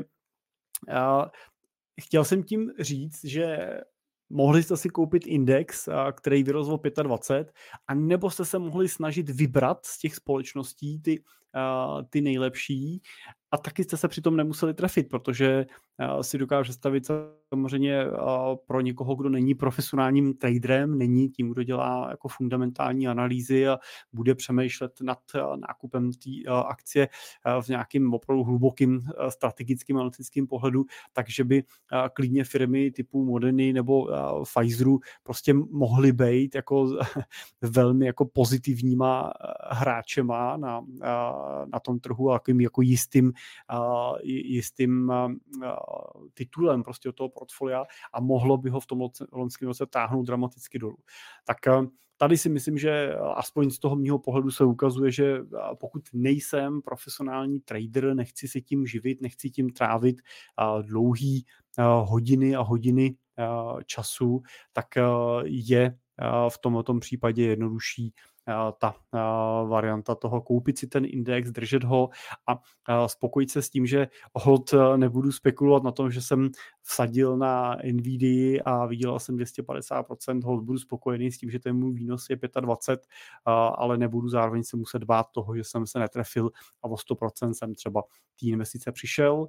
A je dobrý říct, že jo, i v indexu S&P 500 i mezi pětisty největšíma americkými firmama najdete firmy, které prostě zkrachují, který prostě uh, ten biznis uh, přijdou a propadnou úplně. No, případ teda uh, tý Signature Bank z loňského roku. Takže to Jenom možná taková úvaha k tomu časovat, nečasovat, tradovat, netradovat. Pokud vás to baví, pokud vás to živí a umíte to, tak klidně tradujte. To samozřejmě není tak, že by si tím nedali vydělávat peníze a že by si tím nedalo živit, ale je prostě potřeba říct to, že to musíte umět, musíte mít strategii, musíte vidět, co děláte a není to úplně ta situace toho, že si k tomu sednu jednou za měsíc a mrknu se na portfolio a něco prodám, něco koupím, té pozornosti tomu prostě musíte věnovat podstatně víc, protože to riziko je tam zásadní.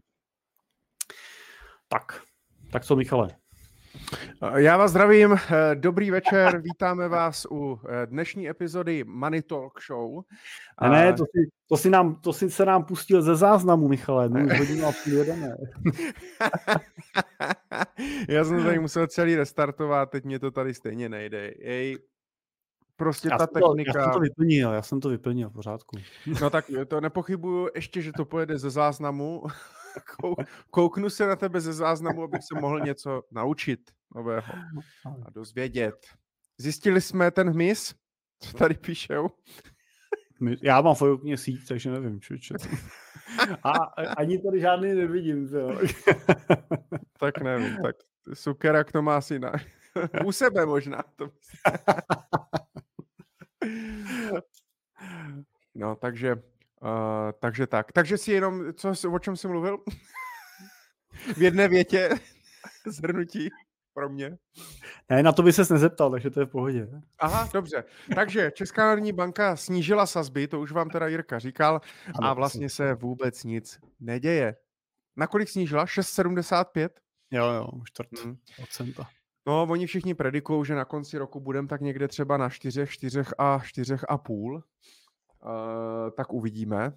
Samozřejmě uh, snižování sazeb, že jo, vždycky, ale to taky určitě říkal, jako by mělo mít ten pozitivní vliv uh, na tu ekonomiku, potažmo na finanční trhy, protože vlastně je, to uvolněná že jo, měnová politika, že? když se vlastně snižují úrokové sazby, protože budou levnější úvěry, že jo, bude se prostě podporovat ta ekonomika a tak dále, bude se motivovat, aby lidi investovali, aby si půjčovali, aby vlastně nestřádali peníze na spořících účtech, tak uvidíme. Já si stejně si myslím, že pořád i stále, protože i před deseti lety, kdy, byla, kdy byly úrokové sazby nula, tak měli lidé pořád velmi hodně peněz na běžných a spořících účtech.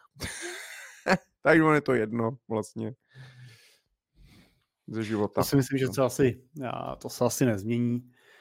A třeba jo, s mým novým online kurzem, eh, jak finančně plánovat. A tak my třeba tohle jako často řešíme, eh, jako kolik peněz mít eh, v hotovosti.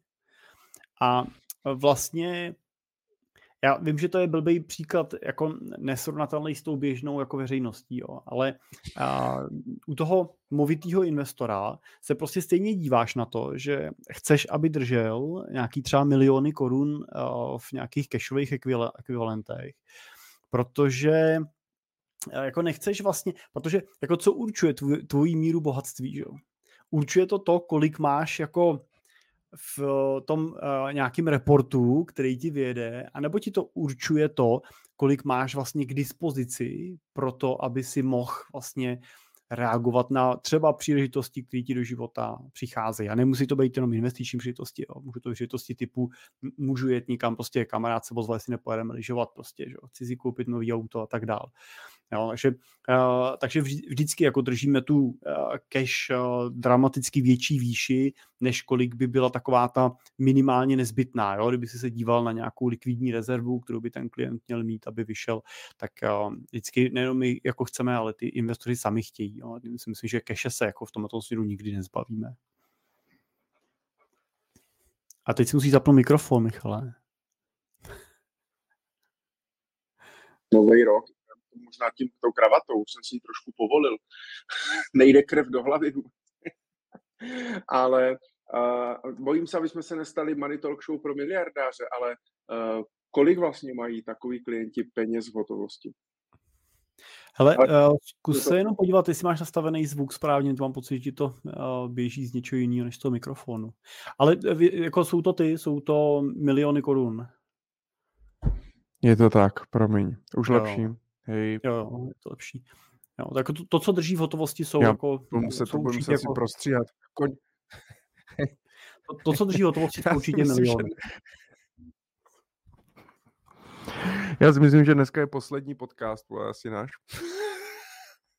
poslední první hovoroční Ale podcast. Mě vždycky, Michale, mě vždycky říkali jednu věc, jo. A to je, že, že, že máš prdeli jako signál, je tvůj problém a že tě stresuje to, že eh, se ti seká kamera, je vlastně tvůj problém a ty posluchači na to nemůžou. Tak mě vždycky říkali, to si vyžer sám, ty se tam s tím trap, nedej na sebe nic znát, protože nepotřebuješ, aby tě litovali posluchači, ale chceš jim přenést nějakou přenou hodnotu, tak si to tam vyžel sám a příště se připojí na kabel. Tak. Uh, řešíš s nima, kolik mají v trezoru peněz? Uh, Když jsi jejich důvěrník? Řeším s nima, uh, co mají za uh, alternativní aktiva, třeba právě v těchto těch jako fyzických schránkách, protože to potřebujeme mít nějaký evidenci. Jo, potřebujeme mít nějaký seznam, že ty věci existují a potřebujeme případně přemýšlet, jak se k ním kdo jako dostane. Ale úplně neřešíme, jestli je, jako my úplně neřešíme jako hotovost, jo. jestli prostě má v sejfu naštosováno milion korun, nás zajímá nějaký součet peněz, který má prostě ten investor v likvidní hotovosti a jestli ji má prostě v keši, v trezoru nebo ji má v, na běžném účtu. Je a, jako, doporučova, a, jako, a vlastně doporučuješ to? Mít třeba nějaký, nějak, nějaký prostě, já nevím, milion v hotovosti Rolexky a dva zlatý slitky někde v trezoru? Nebo to neřešíte tady tohle? Jako uh, v rámci krizových plánů se zamýšlíme samozřejmě nad uh, těma aktivama, které jsou rychle likvidní, ale existuje na to úplně univerzální nástroj, který by to řešil. A zároveň teda musím říct, že většinou nepřichází od těch investorů jako poptávka ve smyslu, že by říkali, řekněte mi, co mám jako správně držet. Jo, to, to... Přijďte se podívat ke mně domů, já vám ukážu, co mám v trezoru a vy mi řeknete, jestli je to v pořádku. No, jo, jako, e, jako e, je to, tohle to aspoň já mám jako tu zkušenost, že oni, pokud jsou to lidi, kteří mají obavu o ten jako systém, tak oni mají nějakou jako svojí a každý jinou trošku. Jo, nikdo jí má, nikdo jí má prostě v držbě třeba kryptoměn, nějakého klíče, jak s nima pracují. Někdo ho má v hotovosti, kterou má, někdo to má prostě v nějakých jako zlatých, zlatých ekvivalentech, prostě, že jo, který, který mají, někdo má prostě bezpečnostní schránku v zahraničí, někdo tam má nemovitost, jo, někdo má zahraniční účty, třeba bankovní, tady jako neexistuje úplně jako jeden univerzální jako nástroj, bychom řekli, jo, říkáme jim, hele, drž si aspoň 500 tisíc prostě v bankovkách. Jo. A ideálně v malých. To už jsme taky tady říkali. V malých bankovkách. No, tohle je zajímavý, jak třeba, jako když by si chtěl držet já nevím, půl milionu, milion, dva, pět, prostě v, v nějakým jako hotovostním ekvivalentu, tak eh, když si to budeš vybrat do banky, jak ti to dají v pětitisícovkách, jo. Hmm. A ta pětitisícovka není úplně komfortní jako uh, materiál jako na práci. Jo. Už, vlastně, no, už vlastně s dvoutisícovkou občas jako bojuješ, aby měli zpátky. A když budeš v hospodě prostě platit útratu za 1500 pětitisícovkou, tak na tebe nebudu koukat radostně. A často, když platíš pětitisícovkou, tak v krámu jako mají i um, jako povinnost to kontrolovat, že jo. Takže ti tam projíždí těma fixama prostě, že jo, a, a musí přijít šéf prostě, aby, aby jí mohl přijmout a tak dále, jo. Já Takže jsem dneska... je to možná srandovní, ale fakt možná to jako je o tom nemít jako tak velký. Jo. Já jsem dneska právě uh, vybíral si nějaký peníze z bankomatu, jsem měl v peněžence si 10 tisíc a uh, hodilo mě to, ne, ne, neměl jsem na možno, možnost jako výběru, tak mě to hodilo dvou tisícovky. A dneska jsme odpoledne byli ještě na takových novoročních ohňostrojích uh, s malým a uh, měli, tam, měli tam jako čočkovou polívku a měli tam prostě čaj a svařák a to a měli jako, dávali to zadarmo a měli jako dobrovolný příspěvek. A já říkám, co jsme dlužní, a no, tak to každý, tak jako co, co prostě, co máte. Když já se podívám do té peněženky, vole, tam jenom těch pět, pět dvoutisícovek, ne. A teď jako říkám, ty, a teď co, ty jsem na chvilku byl nervózní, teď říkám, jako co, co s tím, jo, protože jako 2000 jim tam nemůžu dát. Jako tak, tak dobře se zase teda nemám, jo, když jsem říkal, že se máme dobře.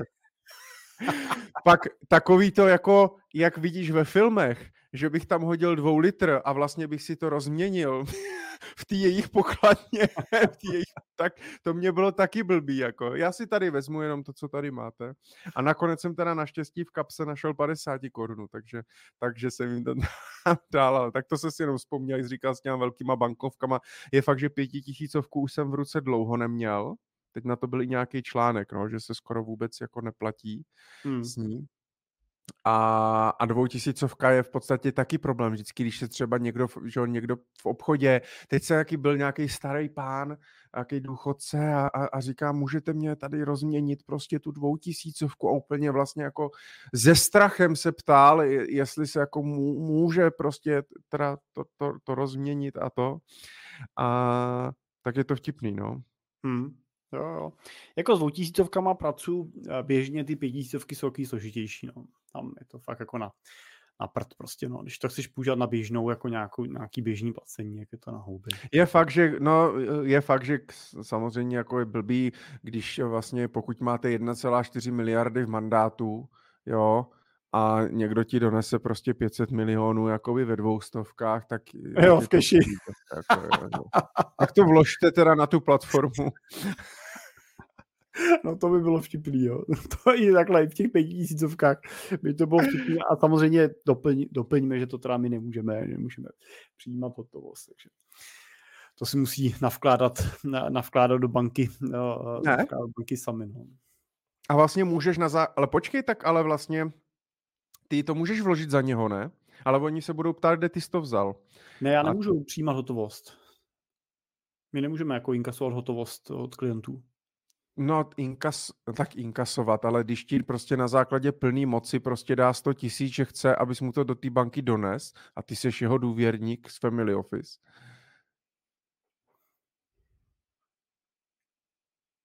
Jako mm, hotovost jako my eh, přebídat od eh, klientů eh, tom- tímhle tím způsobem nemůžeme. A to ti ukládá jako zákon. No, minimálně to ukládá naše, uh, jako na, uh, naše compliance. Hm, to je Jo, jestli, jestli jako přímo zákon nevím, ale určitě jako naše compliance, jako z pohledu IZ prostě, že jo, tak my nemůžeme. Uh, Hm. a teda nevím, jako tuhle rovinu, víš, jakože ti přinese klient prostě v igelice milion korun a jestli takhle, Michale, to možná to zkusme potom rozvíjet, až skončíme.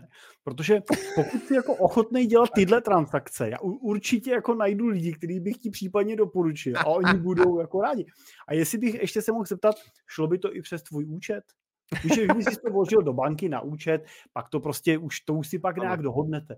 Protože tomu se, tomu se v normální ekonomice se tomu říká praní špinavých peněz, ale a kdyby si to mohl přes zlato třeba, víš, že byste koupili zlato, pak byste si ho přehodili, ne, ne, ne, tak pak se nějak domluvíme, když tak, jo, nebo to krypto, a kdybyste to udělal přes krypto, prostě nějak to pořešíme. Jo, jo. jo Ale jo. jako je fakt, že kolikrát, kolikrát jako se dostáváme do situací, kdy jako upozorňujeme ty klienty na to, že hele, tohle není úplně v pořádku, jo, tahle transakce teď, ne, že by Hmm. byla jako, my teda se nedostáváme úplně k tomu, že by tím legalizovali výnosy z trestní činnosti, jo, to, to jako prakticky jsem neviděl, nebo A tak nevím, to jako, otázka, jestli ti to řeknou zase, že? jo, jo, ale ani jsem jako nikdy neměl, nedošel k pocitu, že bych, s- já bych s takovým klientem nespolupracoval, jo, ukončil bych s ním spolupráci. No To- tak kdyby ti držel pistol u hlavy. No dobře, když mi prostě, že bys to u hlavy, jak udělám, co bude chtít, ale, ale tak i prachy si od vás vezmu. přesně. Jo, ale jako jinak mi to za to nestojí, jo, to bych jako ne, ne, nedělal. Uh, ale ale samozřejmě vidíš, jako tím, jak děláme v těch transakčních věcech, jo, tím, jak prostě se pak dostáváme k různým jako auditům, jo, nebo uh, pomáháme s tím strukturováním těch společností, vytvářením holdingů, no tak prostě kolikrát vidíš spoustu takových optimalizačních jako metod, kterýma ti zůstává jako rozum stát, jo. A kolikrát u fakt jako velikých firm prostě, jo, který mají jako miliardový obraty, jo, jako reálně dělají obraty jako v miliardách ročně, tak si říkáš, a to, to přece nemůže, to nemůžete tady dělat takovouhle, tam to, to nejde přece tohle. A, a, a, a prostě tam sedí nějaká, jako kolikrát tam sedí prostě no mé účtařka, prostě, která to dělá od začátku. Má takovýhle prostě brejle, prostě s takovýma lupama dopředu. Jo, Ale- a, a vysvětluje tam prostě jako těm, eh, těm našim jako ta, právníkům a daňařům, kteří tam dělají ten audit třeba při přípravě té firmy, tak vysvětluje, že to je takhle jako normální. A měli jsme prostě firmy, který, uh, nebo měli jsme třeba klienta, který jako měl jít s firmou do prodeje. a nakonec vlastně, když se ta firma prošla tím auditem a tou přípravou na ten prodej, tak se musela z toho prodeje stáhnout a vrátit se úplně na začátek, protože té firmě reálně jako uh, hrozila insolvence. Hmm. Jako, je, hmm. jenom, že prostě uh, ta účetní, která tam byla prostě jako od, od jak živá, to prostě neviděla, protože ta firma předostla přes hlavu a, a ten majitel nebyl schopný to potkat. A to byla firma, která měla jít na prodej s cenovkou uh, asi 500 milionů plus, jo, prostě jako vel, velká známá teda firma.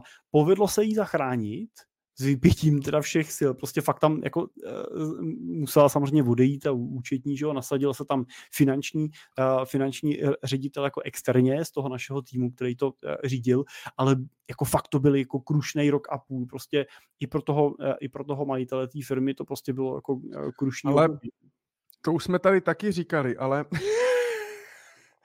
ale uh, na tohle prostě platí jedna věc a to je, od začátku mít v těch věcech pořádek. Nenechat si to vlastně přerůst přes hlavu a platí to jak ve firmě a v nějakém finančním řízení a já to chápu, když ten člověk prostě vytváří biznis a na začátku seš majitel a, za, a zároveň finanční ředitel, obchodní ředitel, uklízečka prostě a tak dále, a, a, a prostě až ti to nabobtná, tak pak si třeba najímáš někoho a ten to potom jako po tobě zametá, ale prostě určitý principy jsou dobrý jako vést od začátku a i v tom rodinném rozpočtu nebo obecně jako v pořádku ve svých jako penězích, osobních financích a tak dále, tak je dobrý, dokud vlastně toho je málo, dokud těch výdajů je málo, dokud ta firma je malá, nebo dokud prostě začínám, nemám děti, nemám hypotéku, mám toho málo, tak se jako naučit ty principy a nasadit do sebe ten program, mít v těchto věcech nějak pořádek, nějak si to zautomatizovat a zjednodušit, pokud to prostě nenávidím a nesnáším, tak prostě uh, nedělat si to zlož, složitý, ale fakt od začátku to udržovat a rovnou rovnou to dát do toho šuplíku, rovnou to rozstřídit, rovnou to prostě poslat, rovnou to delegovat, nenechat to vlastně přerůst přes hlavu, no, protože pak to fakt může nabopnat a může to pak nakonec vlastně být i takovejhle problém, jo, že když třeba chceš prodat firmu nebo něco, tak ti to vlastně může zaseknout celou tu transakci, jako jo. Přitom jo. je to jenom bylo o tom dát to na začátku prostě do toho správného hrníčku.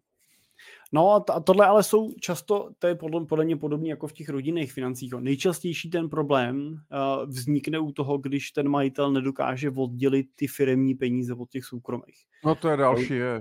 No. Když, no a tak tam to vzniká, jo. Prostě když jo. rosteš z té živnosti a na iču jsem byl zvyklý, že co mi přišlo, jo. tak je moje, jak jsem si s tím dělal, co chtěl, nějak mi to vycházelo v účetnictví, tak prostě na tom SROčku už tohle takhle nefunguje, že jo. To, ne tímhletím jako volným, svobodným principem, prostě jako vždycky to musí být nějaký jako účetně prokazatelný výdaj.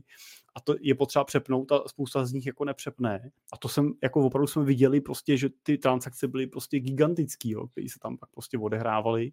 Hmm. Jo, ty, typově, že se z toho nakupovaly nemovitosti, a pak se rok na to ty nemovitosti, bohužel teda se ztrátou, tam byl nějaký pokles v té době, tak se prodávali a vraceli se ty peníze zase zpátky prostě, jo, aby se tam také vrátila, no bylo to jako divoký. Takže, takže jako souhlasím s tebou a možná ne, jako je dobrý říct, že pokud někdo začíná podnikat, tak v tom prostě bordel bude. Prostě jo, na tom začátku, prostě, než se do toho dostanu, když dělám první firmu, než pochopím ty základní principy a tak dál, tak eh, v tom asi bude, ale je to o tom prostě to dávat do toho ten pořádek vždycky. Jo, když už nebojuju o přežití, tak dělám pořádek. Jo. A pak zase vyrostu, tak bojuju o ten růst a pak dělám pořádek. Jo. A pak jednoho dne dokážu růst a dělat pořádek zároveň, jo. tak jako super. Jo, ale je potřeba jako nezapomenout na to, že je prostě potřeba v tom dělat i ten pořádek a držet se nějakých základních jako principů. Jo. Na tom začátku, když prostě nemáš nic, tak ten pořádek se dělá snadno. Jo. Když prostě takový to klasický, ty peníze si utratil ještě než ti přišli, jo, že to jako přes ten účet vždycky jenom proběhlo, jo. tak to nebyl zase takový problém. Jo. Problém pak vzniká, když těch peněz tam začínáš mít víc, něco ti zbývá a jak s tím, jo. No, ale je dobrý fakt to, je dobrý fakt to dělat od začátku a, a prostě Protože třeba já jsem byl přesně ty tým, který to nedělal. A mě, to by mě nikdo nevěřil, protože dneska mě všichni, to, ty, ty máš všechno seřazený, vole, barevně, od největšího po nejmenšího, od červenějšího po nejrůžovější prostě a, a, a, vš, a tak dále. Já to prostě doma, krabice všechny popsaný, všude všechno vím, kde co mám, v jaký složce a tak dále prostě, jo.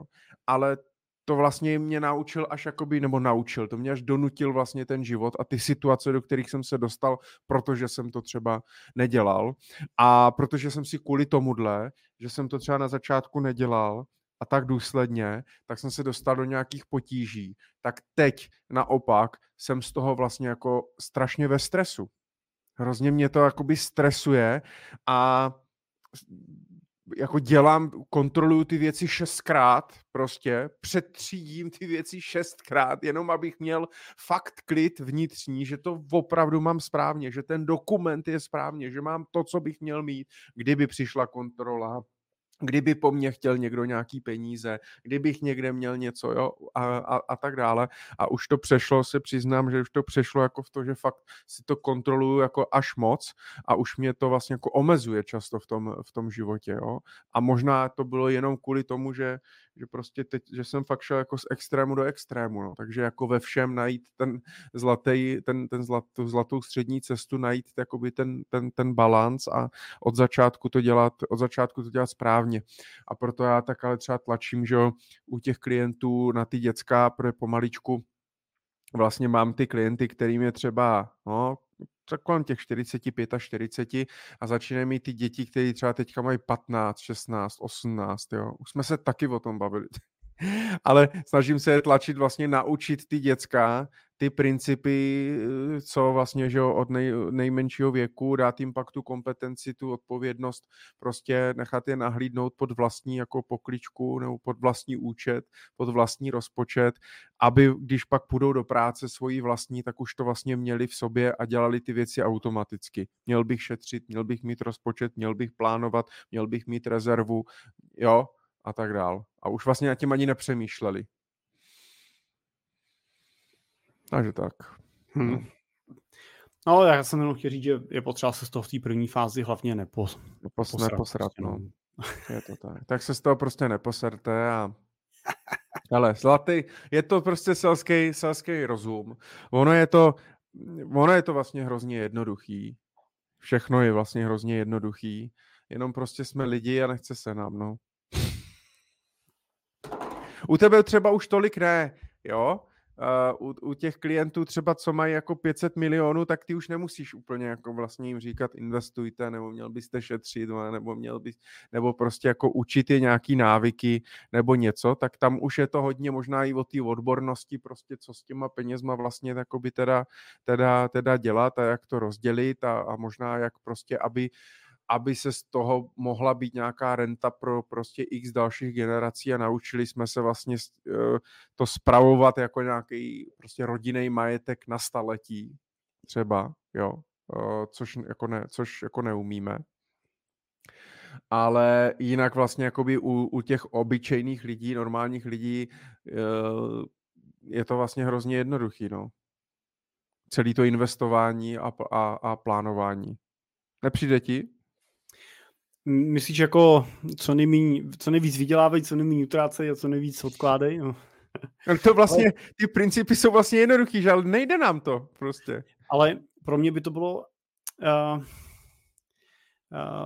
tenhle, tomuhle tomu principu já rozumím, jenomže já prostě uh, nevím, no, uh, se na to dívám možná dneska už trošku jinak, nebo možná trochu zkresleně z toho eh, segmentu té bubliny, teda ve který se pohybuju, ale já už bych vlastně neřekl jako tohle prostě. Víš, jako dřív, eh, dřív jsem říkal, jo, prostě tak počítali jsme ty rozpočty, tak, tak to započtěte, super, tohle vyděláte, tohle to jsou vaše nezbytné výdaje, tady vidíme nějakou mezeru, tu pojďme teda investovat.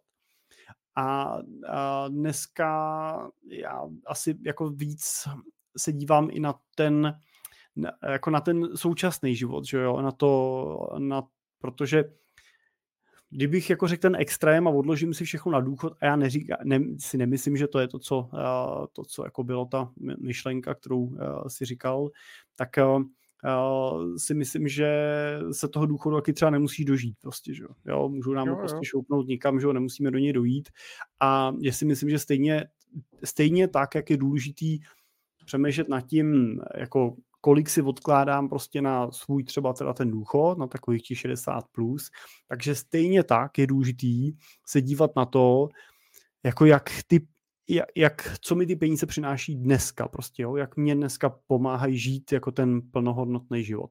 A pak je to ohledání nějakého balancu. Jo, když budu prostě dělník, který dělá ve fabrice a pracuje za průměrnou mzdu prostě za 40 tisíc a, a neodkládám si nic na důchod, ale každý rok jedu na, na tři týdny na dovolenou do Tajska, no tak to asi je takový to jako, to je ta jedna strana té zdi, že jo. Na druhé straně, když budu ten dělník ve fabrice, který teda uh, si dokáže měsíčně odložit, jo, vydělává 40 a odla, odkládá si 15 tisíc z těch svých 40 a nevystrčí nos baráku, protože prostě na to nemá, jo, jede asketický jako život, tak si zase myslím, že to je ta druhá strana jako tý zdi. To jo, jsou takže... ty extrémy, no si myslím, že je potřeba prostě hledat nějakou jako rozumnou cestu jo. mezi. A je pak otázka, a co pak, když ji najdeš? Když je jako ideálně cesta mezi, která říká, tohle odkládejte, abyste mohli žít v důchodu prostě spokojeně a tohle můžete utratit a to, co vy můžete utratit, úplně bohatě stačí tomu, co byste chtěli utratit, tak je to jako v pohodě. Jo. Ale pak samozřejmě nastanou situace, které jako budou říkat, buď budu spořit, anebo budu teď žít.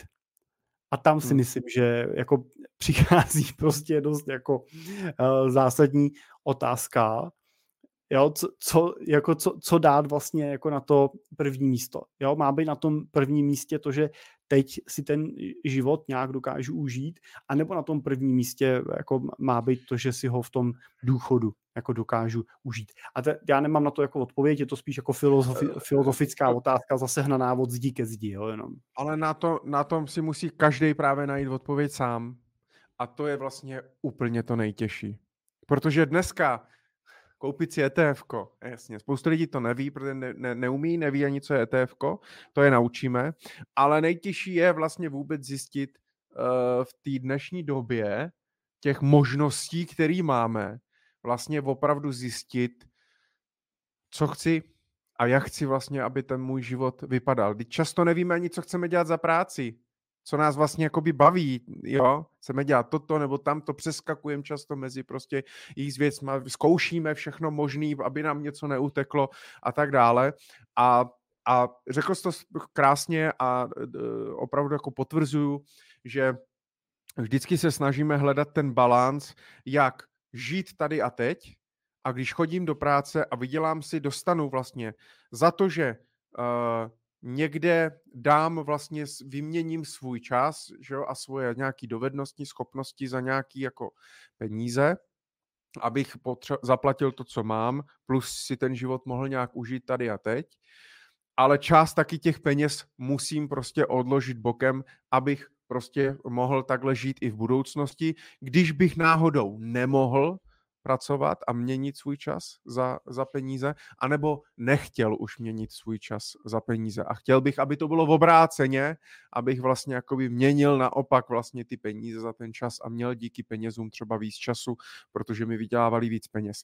A je to celý život, vlastně hledáme tady ten balans, kolik vlastně, kolik utratit teď a kolik vlastně schovat bokem eh, na, do budoucna. Blbý je, že budoucno když nemáme žádný cíle, nemáme představu o tom, jak chceme, aby vypadalo naše stáří, naše budoucnost, naše prostě věci a tak dále za nějakou dobu, ne tady a teď, tak je hrozně těžký, je to pro nás abstraktní a je hrozně těžký vlastně na to odložit peníze, když nevíme teda, jo, takový to, proč bych měl odkládat na důchod, teď já nevím, co bude. No, tak to je právě ono. Možná, kdybyste si uvědomil, jak chcete, aby to bylo, tak byste si to líp představili a dokázali si na to odložit ty peníze. Možná by vás to i motivovalo, měla by, byla by, měl bych to finanční proč a větší vnitřní motivaci třeba toho dosáhnout a začít třeba víc investovat. To mě třeba jakoby mm, pomáhá a věří, vidím to i na klientech mých, že to hodně, že to pomáhá a opravdu hodně času věnujem vlastně tomu, povídáním o tom, co v tom životě chci, definování těch finančních cílů, co je vlastně pro mě důležitý, co je pro mě jakoby prioritou a, a tak dále. A zjišťuju, že opravdu spoustu lidí toto vůbec, jako, vůbec neví. Vždycky jako spoustu lidí mě řekne, nad tímhle já jsem nikdy vlastně nepřemýšlel. Říkám, no tak teď má, teď je ten, teď je ten prostor, když si na tom prostě můžu přemýšlet a nakonec jsou rádi, že se vlastně nad tím zamysleli. Často to pomůže i v partnerských stazích, že vlastně mají nějaký společný cíl třeba, ke kterému pak jako směřují, že když opravdu v tom životě nemáme žádný vize, žádný cíle, něco něco, k čemu jako jdeme, tak ten život, tím životem jenom tak vlastně jako proplouváme, jo, a každý potřebuje nějakou tu kotvu, uh, která nás prostě v tom drží, no. Jo. Je tak. Takže tak. Odpovíš Monice, naší pravidelné posluchačce. Tak přečtěš otázku. Dobře. Monika píše, dobrý večer přeji. Jak vidíte investování do ETF akcí? Já se omlouvám, to vždycky jenom pobaví to, to, to, to spojení. Mám, mám investovat do akcí nebo do ETF? Fakt. Dobře. No, ale uh, ETF jsou akcie, že jo? Kupuješ no, akcie těch ETF fondů. Že? Do et, ano, do ETF akcí v roce 2024 přijde propad růst, nebo růst. Pravidelně investuje křišťálová koule. Pravidelně investuji měsíčně, jakmile mám bonusy v práci, tak peníze také investuji. Do budoucna se snažím o FIRE, uh, zná Financial Independence Retire Yearly, uh, a tak se snažím odkládat 50 až 65% měsíčních příjmů i k nelibosti Jiřího Cimpla. Děkuji za odpověď a přeji příjemný zbytek večera. No tak je pravda, že já nejsem velký fanda jako uh, toho uh, Fire hnutí právě z toho důvodu, který jsem řekl, to, to jsme se teď bavili. Ale uh, k tomu vlastně dotazu Moniky teda na to, jak na tom budou ETF v příštím roce, já, já si jako myslím, že uh, pokud že vlastně jako uvažovat takhle, je trošku jako proti té logice toho, že investuju do ETF fondů. Jo, uvažovat o ETF jako o něčem, co jako chci koupit, aby mi to v příštím roce jako vystřelilo, jo, to vlastně není k tomu jako žádný jako důvod. Jo. Pokud investuju s tím cílem finanční nezávislosti, tak investuju, předpokládám, s nějakým dostatečným investičním horizontem, nepotřebuju ty peníze příští rok vybrat v takovém případě mě nemusí tak stresovat vlastně, jestli budou příští rok na, to, na tom jako letos jo, o 20% vejš třeba akcie, nebo budou třeba zrovna o 20% níž, protože speciálně pokud jste v situaci jako Monika, kdy nakupujete pravidelně, no tak když prostě to klesá, tak nakupujete se slevou, když to roste, jak hod nakupujete o něco dráž, ale vás vlastně zajímá to, jak na tom budete, až ty peníze budete potřebovat, což pravděpodobně bude až za nějaký roky následně. No, takže jako z pohledu trhu uh, jsem uh, optimistický, doufám, že po tom uh, výplachu a po tom, co se nám trhy vrátily teď na, na svý, tak uh, pomůže ten pokles úrokových sazeb zase trošičku dát těm trhům nějaký impuls uh, k růstu ale když to tak nebude a nebude ten rok letošní tak dobrý, jako byl ten loňský, tak by to nemělo nic pro vás jako zásadního znamenat. A pokud potřebujete ty peníze na konci příštího roku už mít k dispozici, tak pak samozřejmě musíte tu svoji strategii tomu přizpůsobit a kupovat jiné věci, než tak. jsou akcie třeba. Tak. A o tom jsme se bavili moc krát, že jo, že si potom... Hm. No. Ty tady mám zase nějaký spoždění nebo něco. Je dnes, dnešní díl opravdu... Ale slyšíme tě dobře, Michale. Jo, slyšíme dobře. dobře. Video já, tě vůbec, já, tě, já tě vůbec nevidím, jenom tě slyším, takže, takže dobrý, tak já nebudu vůbec... Ale my tě vidíme a slyšíme dobře, bez problémů. Super, tak, tak OK. Ale uh, je to, jak ty říkáš, a jako vždycky, uh, ale ty máš vždycky pravdu, nicméně pak si prostě můžou vybrat mezi těmi dvěmi strategií, že jo, a prostě, jak říkáš, máme nějaký cíl, a někdy chci čerpat prostě. A podle toho, kdy chci čerpat, tak se opak upravuje jenom ta strategie, že se třeba mění poměr těch akcí, který mám. Pokud chci příští rok začít čerpat rentu, no tak je docela rizikový mít alokaci 100% v akcích. Jo?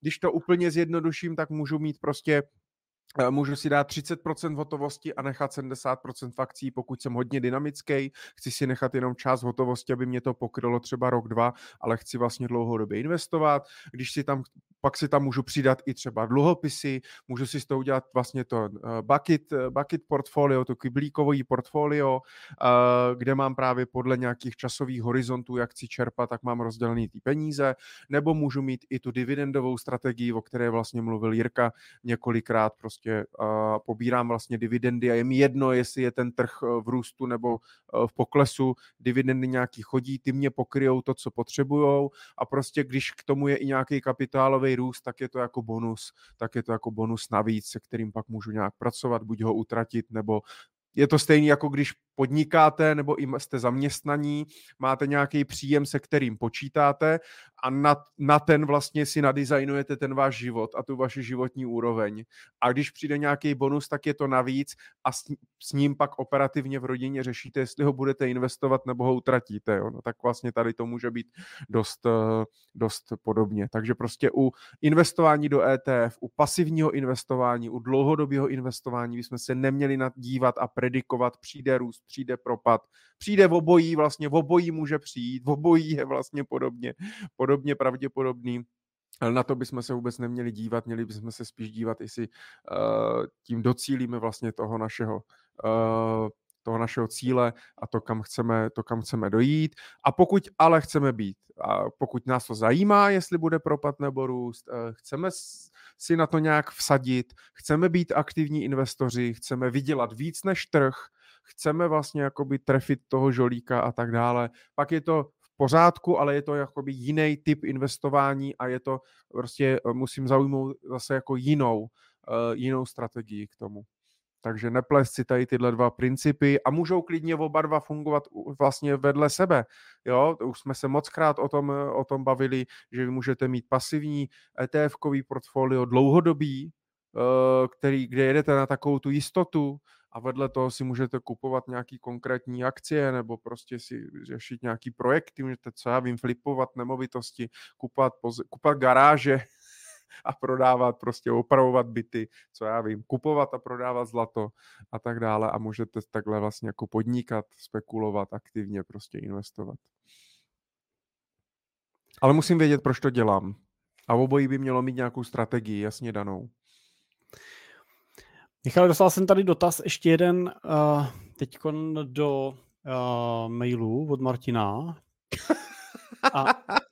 Martinovi se při live streamu zachtělo napsat e-mail, dobře. To je zvláštní. A Martin Jestli se nás neposlouchá, neposlouchá už ze záznamu, člověk. Ale ty, ty to ne... Ty... možná to byl další dotaz, jak to napsal do mailu. Ale byl to dotaz uh, možná hodně třeba směrem k tobě, vím, že se tím tématem zabývalo, to je téma, téma k uh, dlouhodobému investičnímu produktu, produktu, to znamená taký zkratce DIP. Ale DIPíček. Tak já to přečtu, jo. Uh, Martin se ptá, že by ho zajímal názor teda nás obou, tak je to i na mě.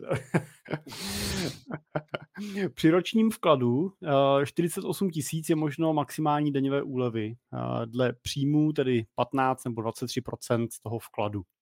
A to je hezké přilepšení a při dlouhodobé investiční strategii je vlastně jedno, jestli ty peníze leží investované klasicky u broukra nebo na tom DIPu. A když mi ale do 60 let chybí ještě 20 let, můj problém je, že státu, konkrétně teda našemu státu, tu zaplatím na daních. Tady píše, jo, že úplně nevěří státu. A je tady, kolik změn, je, kolik změn jen člověk vidí kolem penzíka nebo stavebka. Co přijde u DIPu? Snížení daňových úlev, nutnost postupně a nejednorázově vybírat, jo, nadstandardní zdanění výnosů, posun ze 60 na 70 a tak dál a tak dál. A píše teda, píše teda, jestli jako jsou ty obavy jeho smysluplný, nesmyslný. Jo. Píše totiž, že on se rozhodl, že nakonec se rozhodl oželet tenhle ten produkt, ač jsem na něj už tak dlouho čekal a těšil jsem se a byl jsem zvědavý na jeho parametry.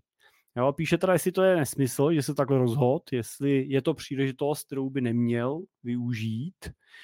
No a no, a tím jsme to asi schrnul. Tak. Mm-hmm. Mm. Tak jak to vidíš, Dipem? Jenom teda doplníme, že DIP je skutečně teda doplněný, doplněný nový produkt, eh, který můžeme využívat. No to není produkt, jo? No tak jmenuje se to, ne? No, tak. se to tak, ale není doplňkový penzijní spoření. produkt je to. Tak. Penzijní spoření se taky jmenuje spoření a není to spoření, že?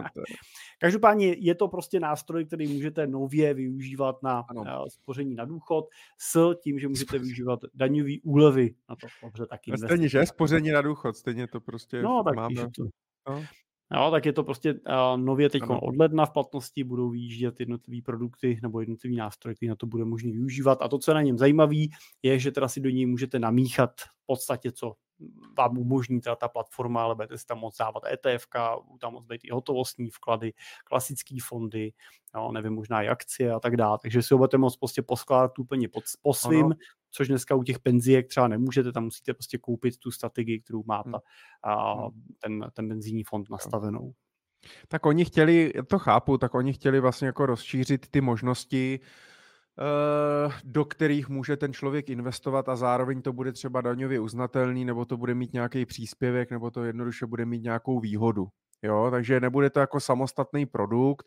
Vy když máte někde nějaký účet, už někde investujete u banky nebo u portu, u fondí a tak u nějakých obchodníků s cenými papíry, tak se vám vlastně vytvoří jenom podúčet uh, pro, právě jakoby pro evidenci uh, toho, kolik peněz jste tam dali a jaká teda bude ta daňová úleva, protože vám tam může přispívat i zaměstnavatel, tak se to nemůže motat jakoby s, prostě s tím hlavním vaším portfoliem, ale vy si klidně můžete udělat úplně to stejný portfolio vedle, a jedno prostě bude eh, bez dipu a jeden bude, jeden bude s dipem, který bude mít ty podmínky aktuální, které jsou, to znamená zaměstnavatel nebo vlastní firma vám může přispívat až 50 tisíc korun ročně a vy si tam můžete posílat až 48 tisíc korun ročně a odečíst si to vlastně od základu daně a tím využít tu daňovou úlevu. Ta výhoda ještě oproti tomu, krom té strategie, a samozřejmě potenciálně nižší nákladovosti než u penzijních fondů, eh, tak je i to, že třeba u penzíjek vy máte státní příspěvek, vy máte u penzíjek taky daňovou úlevu, ale až v tuto chvíli zatím ještě stále nad tisíc korun. Takže do tisíci koruny máte státní příspěvek, nad tisíc máte daňovou úlevu u DIPu, tu daňovou úlevu máte vlastně od jedné koruny jo, která se vám, která se vám počítá. Uh, já jsem v tom, já budu nahrávat na to samostatný, určitě samostatný díl podcastu, ale eh, někdy až třeba na jaře, protože si počkám, eh, vzhledem k tomu, že prezident to podepisoval snad možná jestli den před Vánocem, mám to myslím, že to podepsal v pátek, ne, dva, dva dny před Vánocem, 22.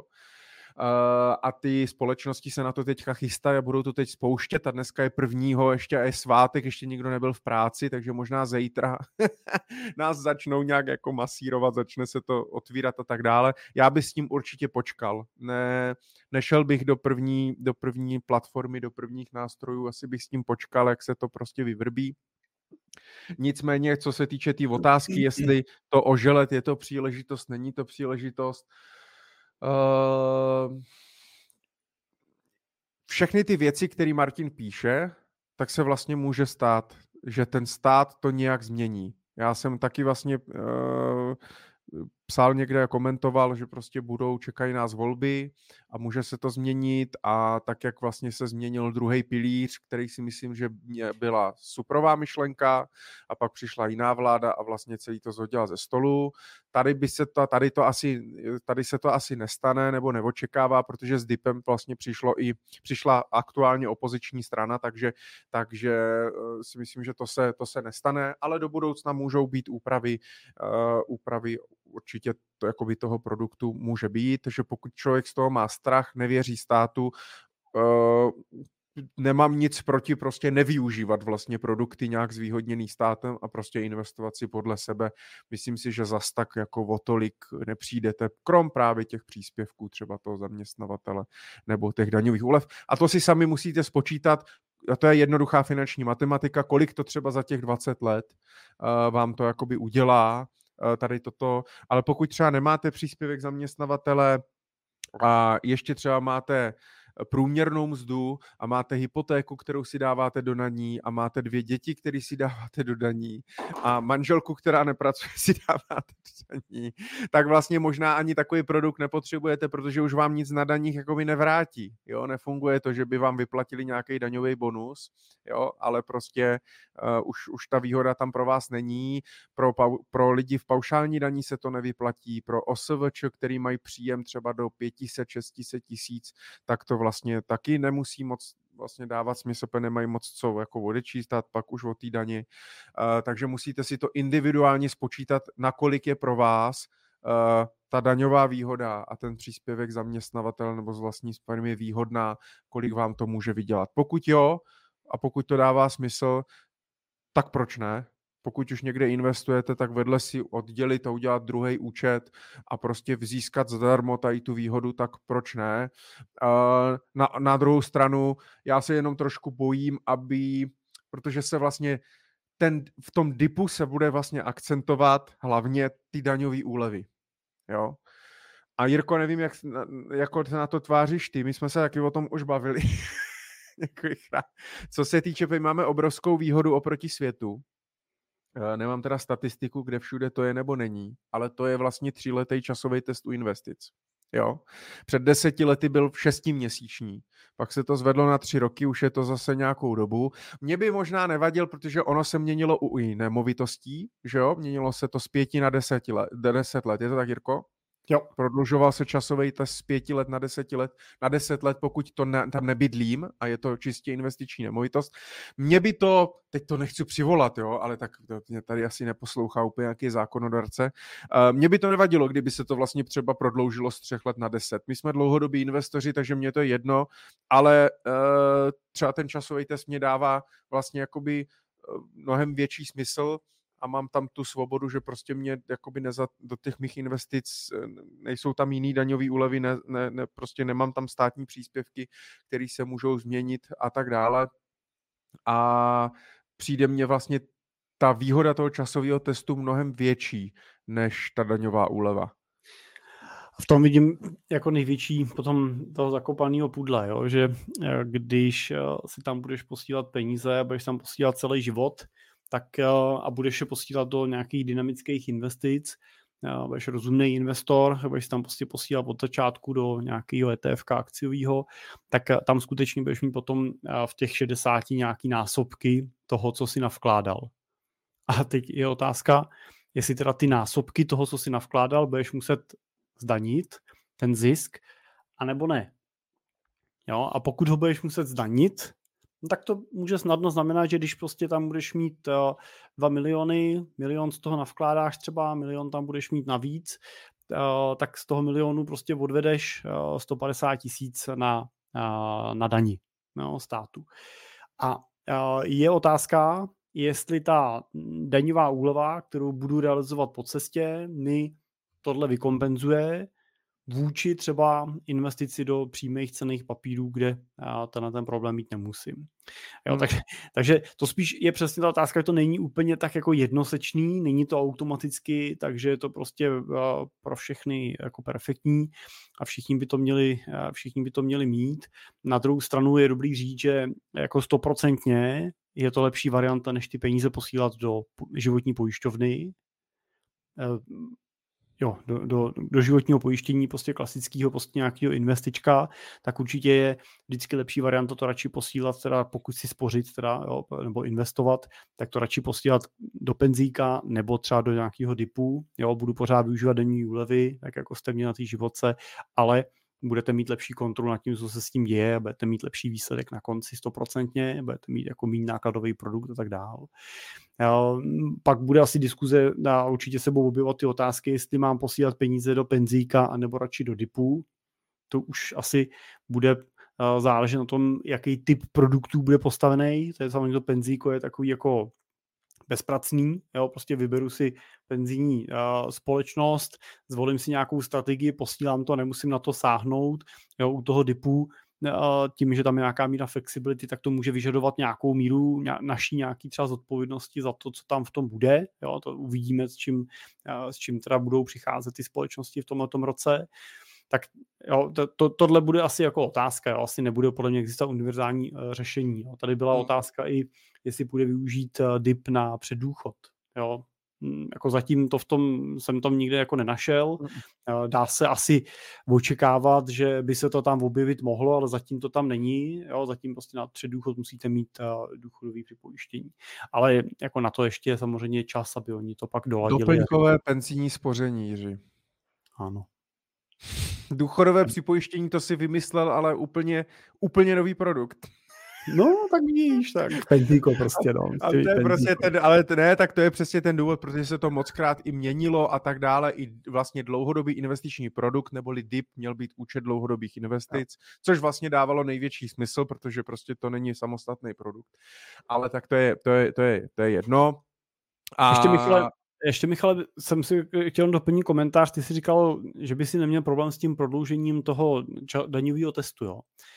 Já si myslím, že tady nejde úplně srovnávat investici do cených papírů s investicí do nemovitosti. No, u těch nemovitostí nám třeba tolik neva, nemusí vadit, že to prodloužili na 10 let, i když třeba teda pro jako investora to není úplně jako dobrý. Jo. Takže my jsme třeba teď zrovna nějaký nemovitosti s klientama po pěti letech exitovali, bylo to pro nás jako akorát ten investiční cyklus, který jsme v nich chtěli držet, vydělalo se na nich spousta peněz a bylo smysluplný to portfolio přeskupit, což teď už jako nejde, že? Teď, nebo jde, ale musíš to zdanit, že? ten výnos. Jo? Takže teď musíš čekat 10 let na ten cyklus. Ale u té nemovitosti to nemusí být takový problém, protože ji koupíš a těch 10 let ji držíš a to, že do ní investuješ, nějaký prostě obnovuješ a tak dál, tak nijak jako neporušuje ten daňový test. No ale pokud se podíváš na portfolio investora, který je složený z kapitálových investic, tak představa, že to portfolio nakoupím a budu ho jako neměně jo, držet to samý prostě po dobu deseti let, je dost jako nepravděpodobná. Prostě potřebuješ v tom portfoliu dělat v průběhu času nějaký kroky, i kdyby to bylo jenom rebalancování, jo, i kdyby to prostě bylo nějaká úprava některých fondů, výměna těch strategií no, a tak dále. Což... A to ti neumožní, pokud prostě tam budeš mít jako blok. Což mimochodem, což, mimochod, což mimochodem ale bylo to, co vlastně jakoby neprošlo, že jo, v tom návrhu, v tom dipu Eh, kde bylo, že se to vlastně tady tyhle věci, že tam bude nějaký ten, já nevím, jak to je, ten portfoliový přístup, že se to prostě nebude, ne, nebude nějak danit. A, a eh, když se tam bude prostě něco rebalancovat a bude to nad 100 tisíc, tak se v tom dipu prostě bude všechno danit, jenom to prostě se třeba nebudu to muset možná zdanit já, když to bude nějaký program nebo něco, tak to zdaní, zdaní oni. Ale eh, co se týče časového testu, tak já to srovnával uh, 10 let, že by mě nevadilo, kdybych si měl vybrat, jestli ho úplně zruší nebo protáhnou na 10 let. Jo? Tak to bych radši si vybral 10 let. Protože i tehdy se říkalo, že Kalousek navrhoval 5 a bylo to, bylo, že, že chtěl, že bylo, jo, řekl pět a dostal se na tři. A, ale, takže nevadilo by mě, pokud by se jednalo o tom, že by ho, že by tadyhle tu výhodu, a to se o tom mluvilo. A bylo by to vlastně, pokud prostě, já se divím, že s tím vlastně nikdo, nikdo nepřišel. Zatím s takovýmhle návrhem. Jako. Protože byly by to peníze, jako by do, ne, nevím, kolik by to udělalo samozřejmě do státního rozpočtu, nemám tušení, a, a, jako absolutně, jo, kdyby se zrušil časový test. Ale srovnávám, kdyby bylo na stole, jestli ho úplně zruším, budou muset danit kdykoliv furt, pořád, je to jedno, anebo prodloužíme ze tří třeba na deset let, aby jsme podpořili prostě dlouhodobý, dlouhodobý investory. To, tak já si myslím, že to je přesně ta úvaha toho, že se v České republice bavíme o takových drobných jako z pohledu státního rozpočtu, Asi že jo. pro ně je mnohem jako efektivnější, když si vybojují 2% zvýšení na daní z příjmu, jo, než eh, aby bojovali něco podobného, co zvedne obrovskou vlnu, prostě, že jo, samozřejmě nějaký jako ne, nevole a antipatí prostě politických a tak dále, protože když zvedneš uh, firmám daní o 2%, tak uh, to jako tu většinu voličů netrápí, když jim začneš danit uh, jako dramaticky jejich úspory, tak to samozřejmě bude jako dopadat na mnohem jako víc lidí. No. Hmm. Jo, hele, důležitý... Já to důležitý... komentář k tomu, komentář jo. tomu, těm daním, jo. Jako to ano, ne, ne, v pořádku. Důležitý je prostě brát i ten dip, i jako to penzijní spoření, jako doplňkovou věc. Nestavět na tom vlastně jako hlavní, hlavní, hlavní svoje portfolio, ale zajistit se sami sebe, prostě koupit si svoji nějakou vlastní nemovitost, případně nějakou investiční, udělat si svoje vlastní portfolio, tím nemyslím třeba z konkrétních akcí, může to být i klidně prostě ETF nějaký a tak dále, svoje portfolio, který mám na svém účtu prostě hotovo, nema, nečerpám tam žádnou daňovou úlevu, nemám tam žádnou podmínku, že to musí mít do 60 nebo to nemůžu vybrat nebo prostě nějaký další omezení, můžu si s tím dělat, co chci, tak to je to, na čem bych to měl postavit. Uh, penzíko, já už jsem taky, to už jsem taky tady říkal, že ho v podstatě doporučuji úplně všem a všichni klienti, včetně mě, ho mají. Beru ho prostě jako doplněk, já na tom nestavím svoji budoucnost, ale uh, je tam nějaký státní příspěvek, zadarmo prachy od státu, proč ne? Je tam možnost nějaký daňový úlevy, pokud to vychází, dává to smysl, proč ne? Je tam nějaký příspěvek zaměstnavatele, pokud mě přispívá nebo mám vlastní firmu, proč ne? Super, můžu si vytáhnout. Je tam právě možnost toho předdůchodu, proč ne? Uh, ano, peníze, když je vyberu v 60 letech, tak je musím, nebo takhle, musím to mít do 60, pokud nechci přijít o daňový, uh, pokud nechci všechno dodaňovat a přijít o státní příspěvky. Uh, ale to je fajn, že to zůstává na 60, ještě by to mohli prodloužit tak, jak budou prodlužovat důchodový věk, že by to bylo až třeba 65 nebo 70, jo, ale tak to mo- prostě takže 60 dobrý. A uh, sice při jednorázovém vyrovnání bych musel zdanit ty výnosy, což může udělat raketu, jak ty jsi říkal, jo? že já vlastně celý život na tom penzíku mám daňové úlevy ale když přesně jak říkáš, když mám dynamickou strategii, přispívá mě tam zaměstnavatel a platím tam dost peněz a mám tam 2-3 miliony a udělalo mě to nějaký výnos, tak pak ta daň může být vlastně mnohem vyšší než ty daňové odpočty, které jsem si tam odečetl jo, za těch 20-30 let. A naštěstí na tom penzíku je možnost i nějaký ty renty, takže když si zvolím vlastně jako desetiletou, desetiletou rentu, tak nemusím tak vlastně nemusím platit ani, ani tu daň z výnosu, ani zdanit příspěvky zaměstnavatele a, a tak dále a můžu z toho prostě čerpat nějakou mini rentu další k tomu mému portfoliu. A k DIPu bych se stavil stejně a ono to tak má být. DIP bude vlastně taky, budu ho muset mít minimálně 10 let, minimálně do 60 nebo do 60, roků, prostě abych to nedodaňoval a tak dále. Pokud mě ta daňová úleva se vyplatí v mém případě a ještě mi přispívá zaměstnavatel, Uh, tak proč ne? Někteří kolegové říkali, hele, penzíko budu mít prostě na státní příspěvek, uh, tam budu posílat od léta, od 1.7.2024 budu posílat 1700 korun měsíčně, abych dostával 340 korun jako maximální příspěvek, to budu mít penzíko a vedle toho budu mít DIP, kde prostě budu mít portfolio, kam si budu, když na to budu mít, tak se na tam budu posílat 50 tisíc ročně z firmy a 4 tisíce měsíčně eh, prostě uh, do daní. Jo, a využiju oba dva ty produkty jakoby efektivně a na maximum a, a hotovo. A vlastně je to legitimní, relevantní, v pohodě. Jo. Tak jsme se odpověděli na dotaz s dipem. Snad, snad jsme zodpověděli. No, takže tak. Děkujeme za vaše dotaz. Plno hodin, Jirko. Jsme se nějak zakecali tady úplně. Mm, novoročně. Je, t- je tady ještě někdo? Ještě nás někdo poslouchá. v mobil, s, mob, s mobilem v posteli. No nic. A? Co to značí, hří? Blížíme se ke konci. Ano, je nám líto, že vám to takhle říkáme když se teprve blíží, blížíte autem někam.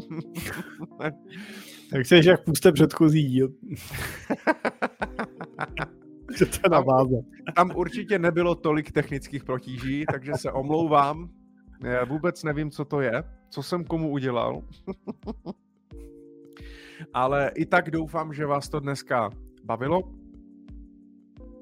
Doufám, že s námi budete pokračovat i nadále. Jiří, pardon, kdy máme, kdy máme další díl? Tady.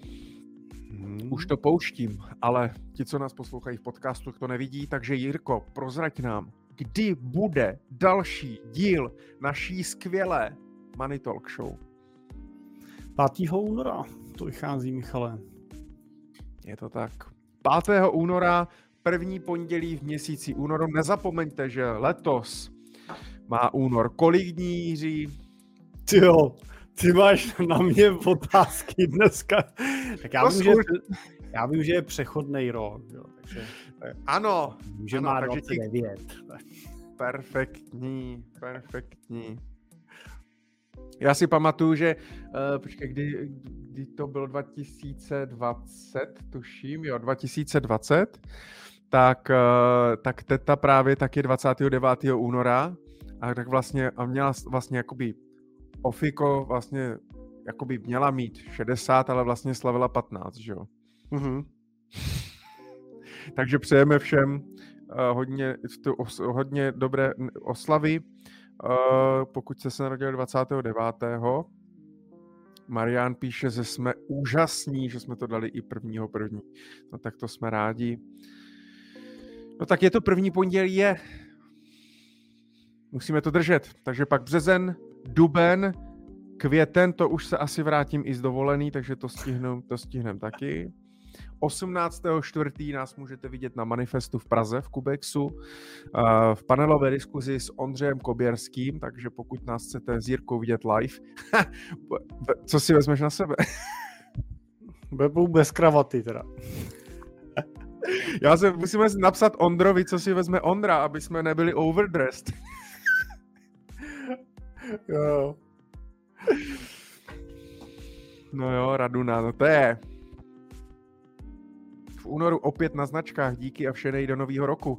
No my vám taky přejeme všechno nejlepší do nového roku. To je neuvět první den v tom roce, v novém roce. To je prostě skvělý. A už měli všichni nový rok, že? Myslím si, že jo, je půl jedenáctý večer, takže už na, všichni na celém světě jsou v roce 2024. No asi jo. Je to tak, no, tak, velký čas, tak velký časový posun nikde není. Takže, tak, ale je to, je to super, protože náš kolega, uh, náš kolega sám tak je v Kambodži teďka, takže ten už slavil vlastně, ten už slavil včera, včera našeho času někdy odpoledne a tátu má zase v Americe v Las Vegas a tak právě psal na storičku, že se jako rodina eh, domlou, a zbytek rodiny byli v Čechách a že se snažili domlouvat, kdy si zavolají vlastně přes FaceTime jako na Nový rok. Tady to bude docela těžký skloupit, kdy vlastně, kdo bude mít přesně 0, 0, 0, aby si mohli zavolat a byli ohňostroje. to je výzva. Takže tak, děkujeme moc, že jste si s námi tady užili první večer v roce 2024. My si toho moc vážíme, ale vážíme si i všech, kteří si nás pustí i 2. ledna, 3., 4., 5., 6. prostě ze záznamu a budete netrpělivě vyhlížet a čekat na 5. únor, kdy se znovu uslyšíme a uvidíme. Jirko, chceš říct nějaké poslední slova? Ne, děkujeme všem. Díky za vaší díky za vaší přízeň a, a hlavně si ten nový rok užijte a naplánujte tak, jak sami chcete. Tak, protože jsme designéři svých vlastních životů a budeme se mít tak, jak si to sami zvolíme. Tak díky moc. Přesně. A držte se, ať se daří a investujte opatrně. A hlavně investujte. A mějte rozpočet. Ahoj. tak za měsíc, ahoj, mějte se.